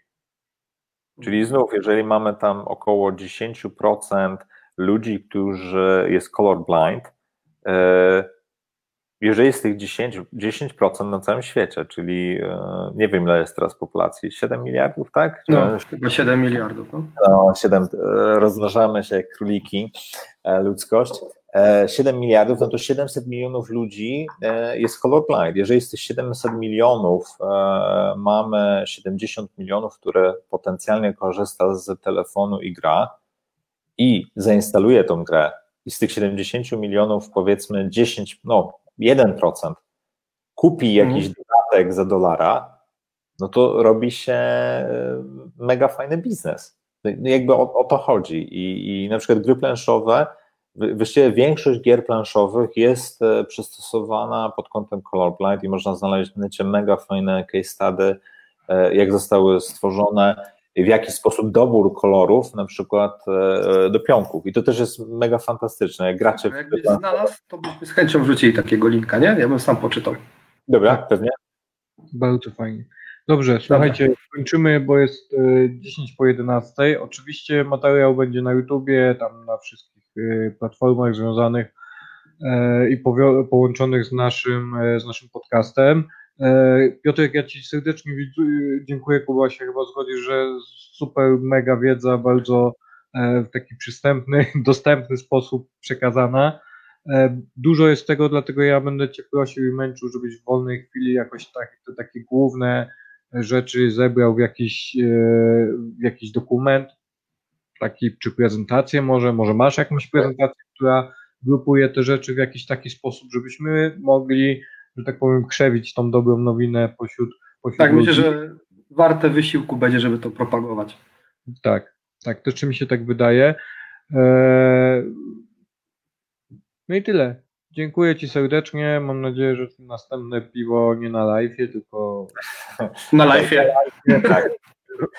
Wielkie dzięki, sorry za, za tę dygresję. No rzeczywiście no, temat jest na, na tyle, e, może kolejny podcast powinniśmy zaprosić e, innych ekspertów e, i wybrać jakieś małe, małe, małe tematy, bo, bo rzeczywiście jest tego, tego dużo, ale wielkie dzięki za zapytania, bo były mega treściwe.